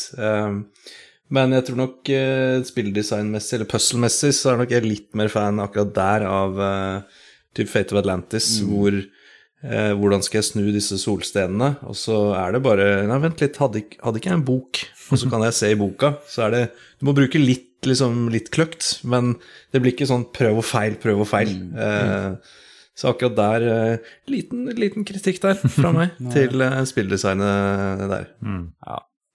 Ja, Ron Gilbert, som er på en måte hovedmannen bak eh, de her spillene, han har skrevet et sånt manifest i 89. Eh, Der han eh, på en måte Det er sånn eh, Why Adventure Games Suck, eller et eller annet sånt. eh, Et eller annet sånt. Og Der skriver han jo veldig masse om de forskjellige måte, problemene med sjangeren, eh, og identifiserer jo alle de tingene som egentlig vi snakker om nå. Men det som han, han klarte jo ikke helt å ta det ut i praksis i, i, eh, i spillene sine. Og Jeg mener fortsatt også de senere spillene som han har gitt ut, også har vært litt sånn prega av at den sjangeren er ganske vrien å få til. og eh, det, det er veldig veldig vanskelig å lage et, eh, et godt uh, adventure-spill som er enkelt nok til å drive fram handlinga, men allikevel er utfordrende nok til at det er spennende å spille. Det, er, det, er- det er veldig veldig vanskelig. da Jeg føler det er bare sånn generelt Det er generelt gode regler til eh, spillutvikling, det han egentlig har lagt opp der. Jeg har jo fire studenter hos internship hos meg nå. De er, det er sånn, Jeg presenterer dem med det og med Grim Fandango sin eh, puzzle layout. Fordi det er, bare, det er bare smart å ha det i katalogen, egentlig, i verktøykassa, når du utvikler spill. Men eh, det ble jo, han gjorde jo, adresserte jo ganske mye av det da, i forhold til åssen 80-talls eventyrspill var, eh, og Sierra spesielt. Så, så, men ja, det er litt sånn som eh, en av, en av, en av eksemplene er at du skal finne problemet før du finner løsningen. Eh, og eksempel den der hip, Hippon-song får du jo mye før du får Du skjønner jo ikke hva du skal med den, og det er jo, bryter jo eksempel med det, da. Men, eh, Og spesielt når det er så åpent at du kan gjøre hva som helst. Så du kan gå i en butikk og kjøpe dritmange ting, og noe av det er bare junk, men det veit du ikke, så Hva- Hva var den questen med Eller questen, det puzzlet med eh, Du skulle Der er oppskriften hos han kokken du vekker til live. Hva var det igjen? Ja, øh, ja, en av kartbitene er det jo en avdød kokk som, Det det øh, som har. Mm. Og da må du til Voodoo Lady og få en eller annen sånn Ash, Ashes to Life, eller noe sånt. Ash to life, ja. Den klassiske potion som du bare drysser over som ei saltbøsse over liket, og så popper han opp. Det er veldig morsomt. Er det så enkelt? Ja, så enkelt. Og den animasjonen er kul. Det, Ja, den er fet. Mm. Det er veldig fett. Nei, det er mye rart. Uh, Mm. Nei, men generelt sett så er det ganske bra. Og jeg, men jeg kjenner igjen en del sånne Når jeg har spilt litt eventyrspill som følger disse reglene, prøver å følge dem, så kjenner jeg en del, del sånne ting for å ikke havne i dead ends. F.eks. Eh, hvis det ligger eh, tre items i en konvolutt eller en eske, så er det kanskje, trenger du bare én av dem, men da har du sikra deg at du har med deg de to neste til mm. en gang du ikke kan komme tilbake dit. Da. så eh, de, har, de har i hvert fall sørga for å ikke komme i dead ends. Så vidt jeg vet, så finnes det ikke noen eh, slike ting her. Og det er, vel, det er vel ett sted i spillet du faktisk kan dø. Det Du blir fanga i eller kjøkka havna i sånn, henger over en sånn lavapit Stemmer. med noe veldig sånn intrikat James Bond-aktig sånn hyssing som eh, skal brennes opp av, en, eh, av et uh, stearinlys, og så må du prøve å slukke det stearinlyset før, før du dør. da Og det- Visstnok, hvis du bruker for lang tid, så så detter vel nedi, men da er det vel tilbake til uh, Elaine Ja. Da er du tilbake i starten av spillet. Sånn, men hei, det kan jo ikke stemme, du er jo, Ja, du er jo her. ja. Ja. det er del av humoren. smart. Mm. Det er en fin måte å gjøre det til at altså, du er i dødsfare uten at du er i dødsfare. på en måte Uten at får konsekvenser. Eh, god, god idé. Nei, ellers så syns jeg kanskje at spillet Det er litt sånn som jeg mener nå, at jeg syns det er litt sånn eh, Altså Det er jo delt inn i fire kapitler. Og første er jo bare på, på den startøya, og så er det jo de tre øyene i kapittel to. Altså Når du først kommer til tre og fire, så er de veldig korte i forhold. Da er du liksom ferdig med 80% omtrent når du, når du ja. endelig kommer deg ut der. Og det Jeg føler meg kanskje litt mett når jeg endelig er ferdig med alle de puslene på alle de øyene, men, men ja, jeg kunne kanskje tenke meg at ting ble fordelt litt mer utover, da. Så mm. Fokusere det lite grann. Ja. Jeg kan se det litt sånn om humoren i, i spillet er jo veldig mm. vel, Altså er jo et gjennomgangs Størstedelen av eh, opplevelsen av Eller den store delen av opplevelsen med Monkey Island 2 er jo humoren og alt det crazy som skjer underveis. da Og eh, Vi har snakka litt om karakterene, som er veldig morsomme. Og eh, jeg så et, eh, et intervju med Ron Gilbert. Han var jo sånn, han var opptatt eller inspirert av eh, Monty Python, The Holy Grail, eller det heter, og Blazing Saddles, som er en sånn klassisk eh, western-parodi fra 70-tallet. Og kan egentlig kjenne igjen liksom, den Monty Python-humoren. Det er veldig sånn eh, absurde, gøyale Jeg kan tenke meg at det, når de har sittet og skrevet der, at det har vært eh, god, god stemning rundt uh, manusskrivemaskinene. Jeg leste at det var en stor fordel, eh, eller det var mye lettere å få inn en del sånne jokes fordi de ikke hadde noe deadline på de her Når de ikke skulle ta opp eh, voice, som krever at du må booke og du må gjøre masse rart, så kunne de liksom endre det til liksom dagen før shipping omtrent. Og det også førte til en del av de jokesa ble tuna og ble bedre og ble inserta og sånne ting. Så det, det er litt morsomt å tenke på at selv tenker at ting bare blir bedre og bedre, men det er noen ting som går tapt av å, av å ha flere muligheter. Ja, Definitivt. virkelig. Er det noen som vet litt om som, hvordan det ble til? Eh, sånn, hva, hvordan utviklinga fra Island 1 til Island 2 eh, eh, Ja, prosessen rundt det hos LucasArts? kjenner dessverre ikke til så masse av eh, akkurat den, eh, den produksjonsbiten av, eh, av spillet. Men nummer én var jo en, en ganske stor suksess. Kanskje litt mindre enn det vi kanskje ser for oss. eh, Det var jo en ganske hyppig piratkopiert eh, serie. Så jeg tror, jeg tror den solgte mindre enn det som, eh, som man kanskje tror eh, er tilfellet. Eh, Så, det var egentlig litt overraskende at LucasArts gikk for en oppfølger eh, allerede så kort tid etter. da men det har tydeligvis ikke vært altfor alt dyre spill å utvikle. Det er jo ikke så mange som eh, står bak de spillene. Altså, det er et ganske lite, Ja. lite team som har Men var, var piratkopiering et problem? De hadde jo en bunnsolid DRM-system på hvert fall eneren, med den derre Code wheel, papir... Snurrehjulet. Det er jo helt umulig å kopiere. Men var det noe sånt i, i toeren? Ja, det var vel et uh, kopihjul i toeren òg? Ja, Jeg er si, jo, jo, jo, jeg er jo Jeg har, jeg er sånn retrosamler, har jo de svære boksene. Uansett om jeg ikke hadde det på den tida, så har jeg det nå. Ja, ja. De hadde så god suksess med det i eneren, så da kjørte de på ja. med det i toeren òg. Det funka sånt du litt, Jeg tror det var bare Ja, mindre farger i, på det hjulet. Ja. ja. Jeg ser det her på, på i Mobile Games, så er det bilde av det. Og jeg husker jo at jeg hadde det på eneren. Jeg kan ikke huske at jeg hadde toeren, men jeg trodde jeg hadde originalt. Men nå er det kjent at noen av de re-releasene var med og uten, og det var ikke alltid de gadd å putte inn de tingene. Så det er mulig at uh, min versjon ikke hadde det. Nei, altså Det jeg vet om produksjonen, er at uh, Ron Gilbert starta på det før han fikk liksom OK Light fra mm. Lucas Finn Film Games. Uh, at han bare ville outline det litt, sånn at han hadde en, hadde en ja, headstart da, fra i håp om at han fikk, fikk, go. Og så ser jeg for meg at det kanskje hjelper litt å pitche noe som du har, har noe på vei. Og så tror jeg det hjalp på Da hadde han også et mål om, om hvor du skulle fortelle historien videre, da, som ikke nødvendigvis hadde blitt Jeg er ikke sikkert han hadde fått bestemme så mye hvis, hvis det bare skulle kommet helt ut av det blå. Mm. Mm. Men ellers er det sånn verdens Jeg tuller ikke, det er verdens lengste Wikipedia-artikkel om uh, Monkey Island 2. Den er, oh, den er, altså, det, jeg har nesten ikke vært borti noe lenger Wikipedia-artikkel, så det er mye å lese opp der. Men uh, ja, hvis ikke det er noen som har lest det på forhånd, så tror jeg det er litt seint å begynne å lese det opp underveis. uh, men der, der kan man finne mer, i hvert fall. Mm. Dette er en podkast fra 90-tallet, så da kan jo lytterne gjøre hjemmelekser. Mm. Ja. lese, ja, ja. lese, den artikkelen mm. og komme med et uh, sammendrag. Mm. det eneste jeg husker fra Altså, det er post uh, Monkey Island 2 er vel egentlig at uh, han slutta vel for å skape Humongous Entertainment, var det ikke derfor han slutta? Mm, ja, stemmer. Mm. Ja. Det er så weird. Han har overlatt liksom tidenes cliffhanger, Altså, Da går han og lager sånn barnespill på noe helt annet. Ja, det, det var min barndom, så jeg er veldig glad for at han gjorde det. Ja, jeg redda barndommen din. Yes. Ødela ungdommen vår. Ja. ja. Um, ja. Nei, altså vi skal selvfølgelig tilbake til sånn, uh, hva vi syns om det i dag, og sånn, men uh, hvis vi tar en liten titt først på vi har sendt, Jeg har jo avslørt på internett hva vi skal snakke om, og da hender det at noen kommenterer. Og jeg ser for meg at det ikke er noe unntak i dag uh, når vi har et, et slikt spill. Skal prøve ikke å bruke altfor lang tid på det, men vi kan jo prøve å lese opp et par stykker, Sigve. Tar du det av deg Facebook? Jeg, jeg kan ta Facebook, for det er jo, det er jo en banger, det her. Mm. Så folk er engasjert. Uh, Rune Trollnes Skog han sier 'fantastisk spill'. Har spilt det mange ganger, både i oppveksten og i voksen alder.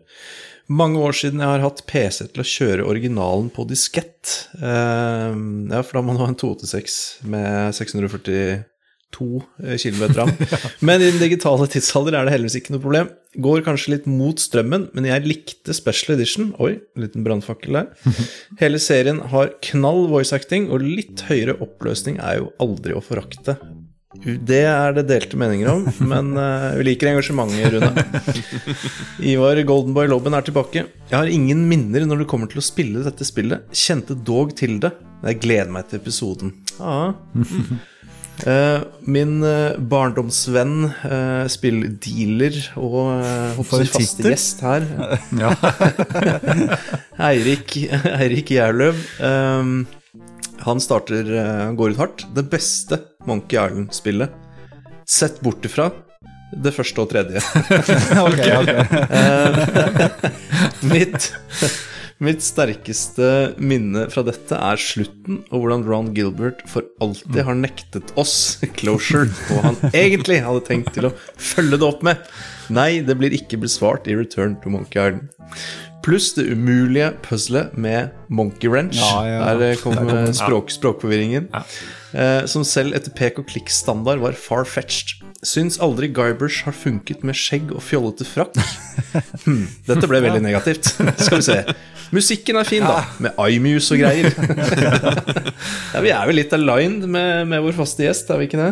Uh, Remi Jacobsen, eh, populært og bra på Amiga. Ja, vi er jo en Amiga-podkast, men lønte seg med harddisk da det var på Jeg vet ikke om du husker uh, antallet her. Elleve disketter. Ja. ja. det stemmer. jeg tror det var fem-seks på PC. ja, ja fytti. Elleve disketter. Hadde en 52 MB Scuzzy harddisk som vi betalte 5000 kroner for. ja, fy søren. Uh, det er noen som hadde det. Um, Bladet CU Amiga ga det 95 i score i 1992. Eh, Martin Gjesdal, jeg elsker dette spillet. Har puttet inn timevis med glede og frustrasjon. Syns dog del to, i likhet med enkelte andre spill, mangler litt tydelig fokus. Litt all over the place. Mange humoristiske øyeblikk, men også mye humor jeg først tok som voksen. Igjen, Monkey Wrench blir nevnt her. Uh, fun fact, hvis dere ikke har prata om det allerede. uh, spillet solgte ca. 25 000 eksemplarer. Sammenlign Ja, det er ikke så fryktelig mye. Eh, det har vel fått sin, sin resurgence i, i voksen alder. Sammenlignet med Full Throttle, som var første LucasArts-spill som rundet én million. Så Ja. Ja, de, det lykkes til slutt, da. Det gjorde de. Nå er det fem-seks år etterpå, så det, jeg vil jo tro at spillmarkedet vokste ganske mye fra 1991 til er sant, 1995-1996, når det var. Ja. Byt, bytta de kanskje ut den derre pappdisk-DRM-en? Jeg Jeg vet ikke. Det var det som eh, Ja, ja et. Kanskje. Ja. Vidar, eh, Vidar Syrtveit uh, sier må legge til at man var ingen seriøs Nei, ok, han var ikke en seriøs fan av spillet. Nei, ok, nå skjønner jeg det, Vi er en Amiga-podkast. Eh, Vidar Syrtveit sier må legge til at man, har, man var ingen seriøs fan av spillet om man ikke hadde Amiga-utgaven. Ja. Med sine beskjedne elleve spilldisketter Ja. pluss savedisk. Så da har vi i hvert fall én eh, ekte fan da, eh, som gjest her i podkasten. De andre er bare, bare fake, hele gjengen. Ja, ja. Bare, bare fake. fake. Um, Vidar melder seg på litt senere her. Brukte mange friminutter på å øve på spytting. Uh, Mangla tydeligvis godt nok grog. ja, ja. Um, og André Pedersen adresserer denne plot-twisten. Husker tvisten når alt plutselig bare er et sirkus. Ja.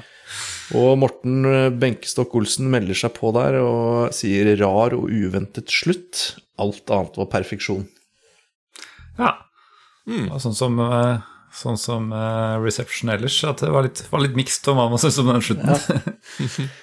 Så da gir jeg stafettpinnen til eh, Blue Sky, uh, Mammen. Ja, jeg sjekk- Og Blue hvis det er noe der Blue Sky Twitter var tomme, så det virker som det er gode gamle traverne. De holder til på Facebook enn så lenge, merk merkelig nok. Skulle nesten tro du hadde bare gamlinger på som kommenterte. Ok, ok, ok. Men uh, vi eh, må jo stille spørsmålet om det har holdt seg. Og jeg velger å gi ordet først til Sigve, som eh, tydeligvis ikke har så mye forhold til det. Så hva vil du anbefale dette til noen? Uh, på, ja, på dine premisser? Uh, jeg vil si ut ifra Let's Plays som jeg har sett Hvis du er fan av pikselgrafikk, som vi har snakka om, og liker pek og klikk Jeg tør å påstå at det har holdt seg, altså. Eh, virkelig. Det er eh, morsomt. eh, det er visuelt digg, og um, ja, det er eh, Noen puzzles er litt for intense, men eh, mange av de er liksom litt ålreite, så er du interessert? Ja, det har holdt seg. Det vil jeg si. Ok. Eh, Alexander, vil du eh, si din, eh, din take på dette? Ja, altså Jeg, jeg uh, Hva skal man si Jeg syns musikken har holdt seg uten tvil. uh, så det hvordan, Ok, jeg synes har, altså spillet har holdt seg kjempebra, syns jeg. Uh, det er noen flås her og der, Monkey Ranch, eh, med trykk på det. Men om, om jeg kan få lov til å si at det har holdt seg med det moderne lydbildet, inkludert voice acting, så syns jeg det uten tvil at det har holdt seg veldig bra. Mm. Ja. Mattis, nå er jeg spent. Har det holdt seg? Um, jeg uh, syns det var en liten nedtur å spille det faktisk igjen nå, igjen etter ti år siden sist.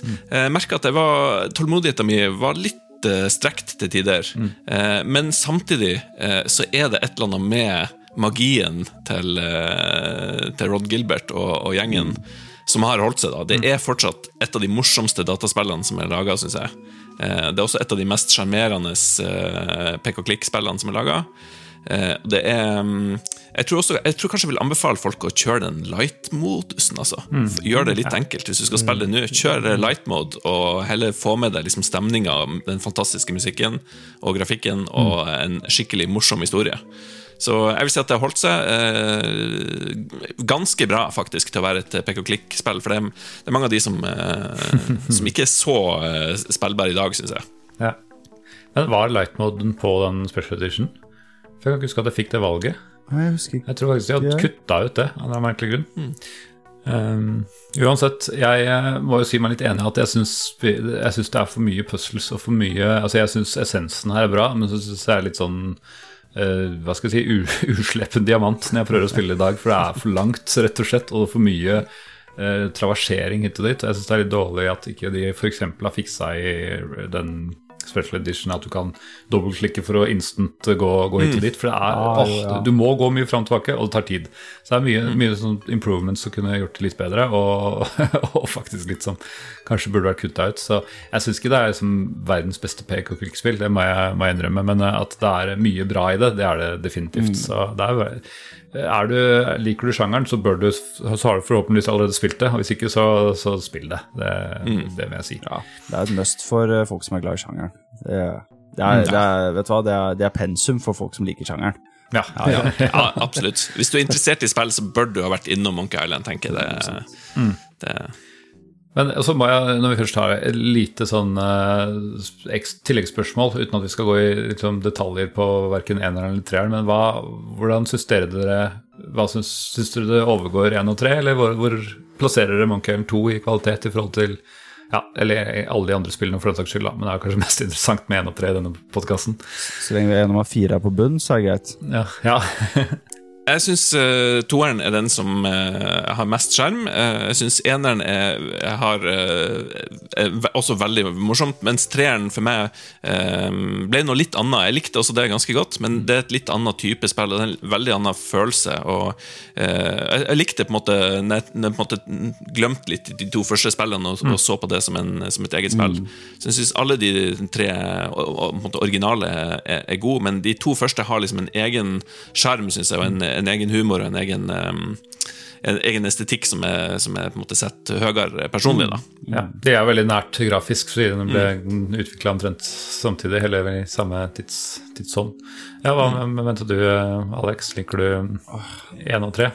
Jeg, jeg liker jo én og tre. Jeg er veldig glad i eh, det tredje spillet. Uh, Mm. Men eh, jeg tror jeg setter min favoritt på toeren, altså. At det er eh, det, det, altså, det er et eller annet jeg, Det bare føltes perfekt ut eh, for meg. Eh, Det var eh, bare ble en instant hit i heimen. Så jeg, jeg, for meg så tror jeg det går 2-3-1 av de, og den, på en måte, den gode saken der. Og så har vi jo fire og ja, Ja, ja, den, den grumsen nedi der. Vi, snak, vi, vi snakker ikke om Ja, ja. nye spill. Nei, nei, do not Ja. mention his Ja. name. Ja. Ja. Jeg, eh, jeg, altså jeg tror at de fleste som skal si det beste Monkey Island-spillene, står mellom to og tre. Og så er det kanskje litt ut fra hvor gammel du var når treeren kom ut og toeren kom ut, sånn hva hva du liker best. Men eh, jeg, jeg har inntrykk av at de to er de de, de fighter. Og jeg, eh, må, jeg klarer ikke helt eh, å bestemme meg akkurat hvem jeg liker best av toeren og treeren. For jeg, er, jeg liker dem på hver sine måter. Men jeg er enig i at den, det er en step up fra Island 1. Og jeg sa vel kanskje når vi snakka om eneren, at jeg skjønte ikke hvorfor akkurat var Monkey Island som skulle få så mange oppfølgere. For jeg syns ikke det nødvendigvis var så utrolig mye bedre enn alle de andre. Ja, ja, nå fikk jo Maniac Mansion oppfølger, og det jo Tentacle var ganske mye bedre enn det, får jeg si, heldigvis. Men uh, både Loom og Zack McCracken kunne jo like så godt fått en oppfølger, og kanskje de hadde vært uh, bra, for alt jeg vet. Så, så for meg er det litt sånn vilkårlig at det akkurat ble Monkey Island, men uh, det ble nå i hvert fall en bra oppfølger. Jeg, jeg venter fortsatt på Grim Fandango 2, jeg. Ja, ja. eh, Eh, Støttes.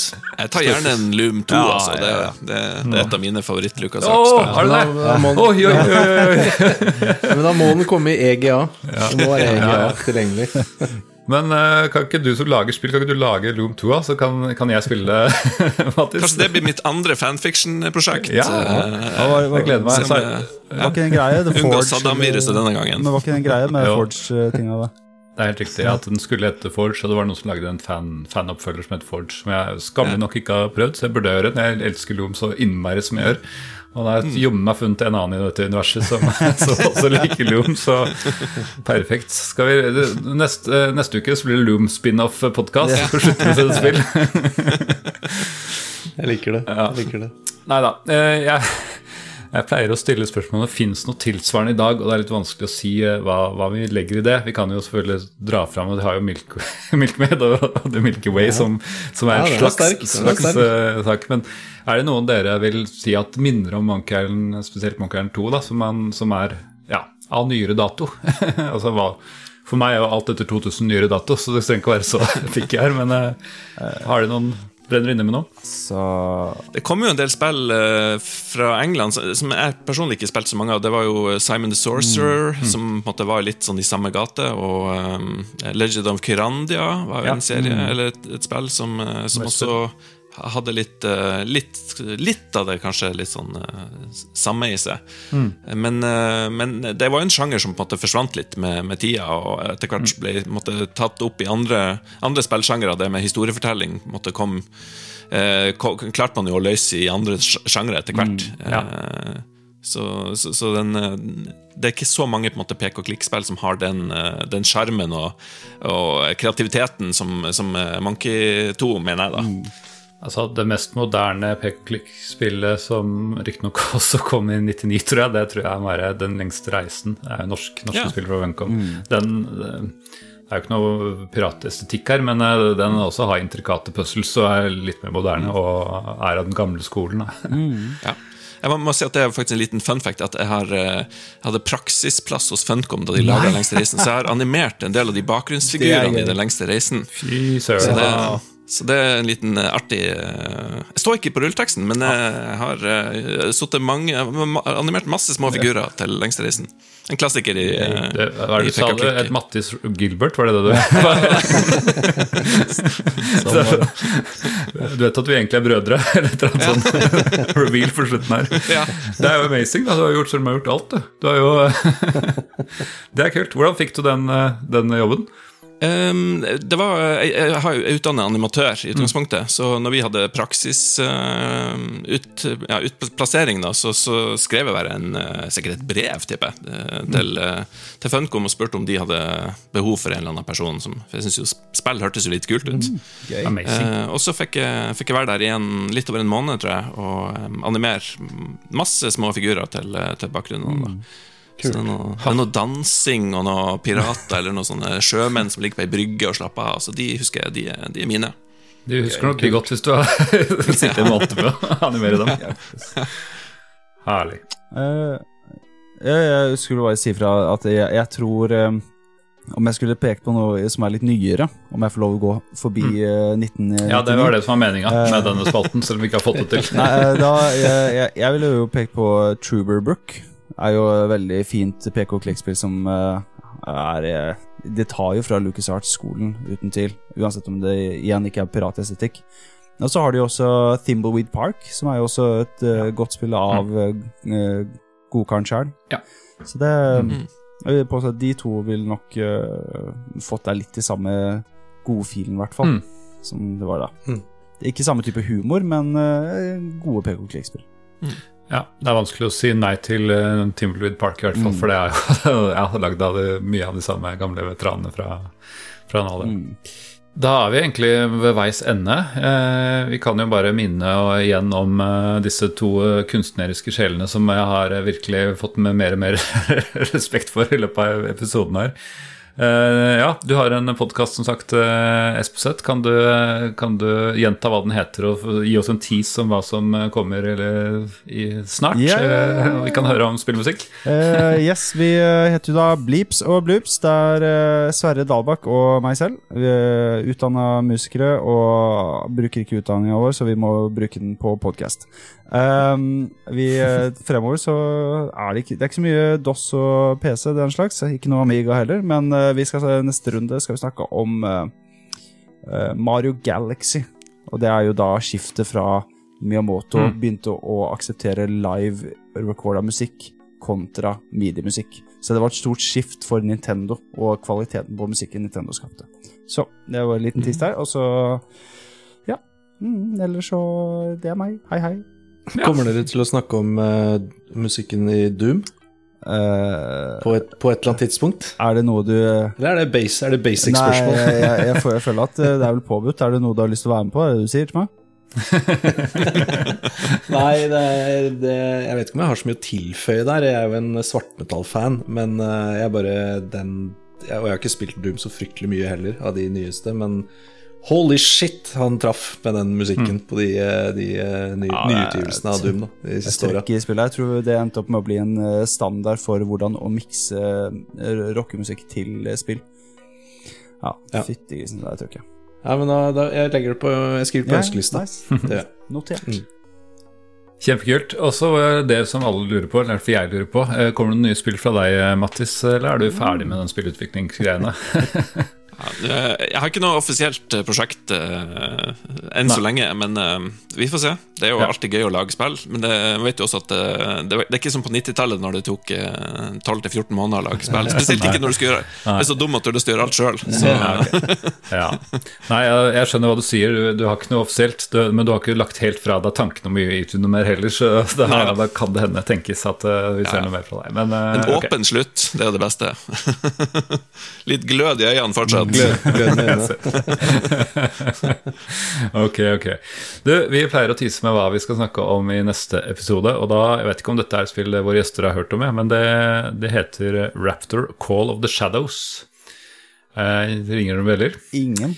Nei. Jeg, jeg også klødde meg i huet når du foreslo det. Mm. men tenkte bare kult, let's go. Det hør, høres jo tøft ut. Jeg tok en kjapp titt på det. Eh, det her har vi jo nevnt før, for det her er jo eh, en Tyrian-konkurrent, eller eh, åndelig Så det er top down, uh, arkade, skyte Shoot them up-sjangeren. Ja. Shoot them up-sjangeren. Så um, det tror jeg kan bli litt gøy å se litt nærmere på, faktisk, i eh, neste episode.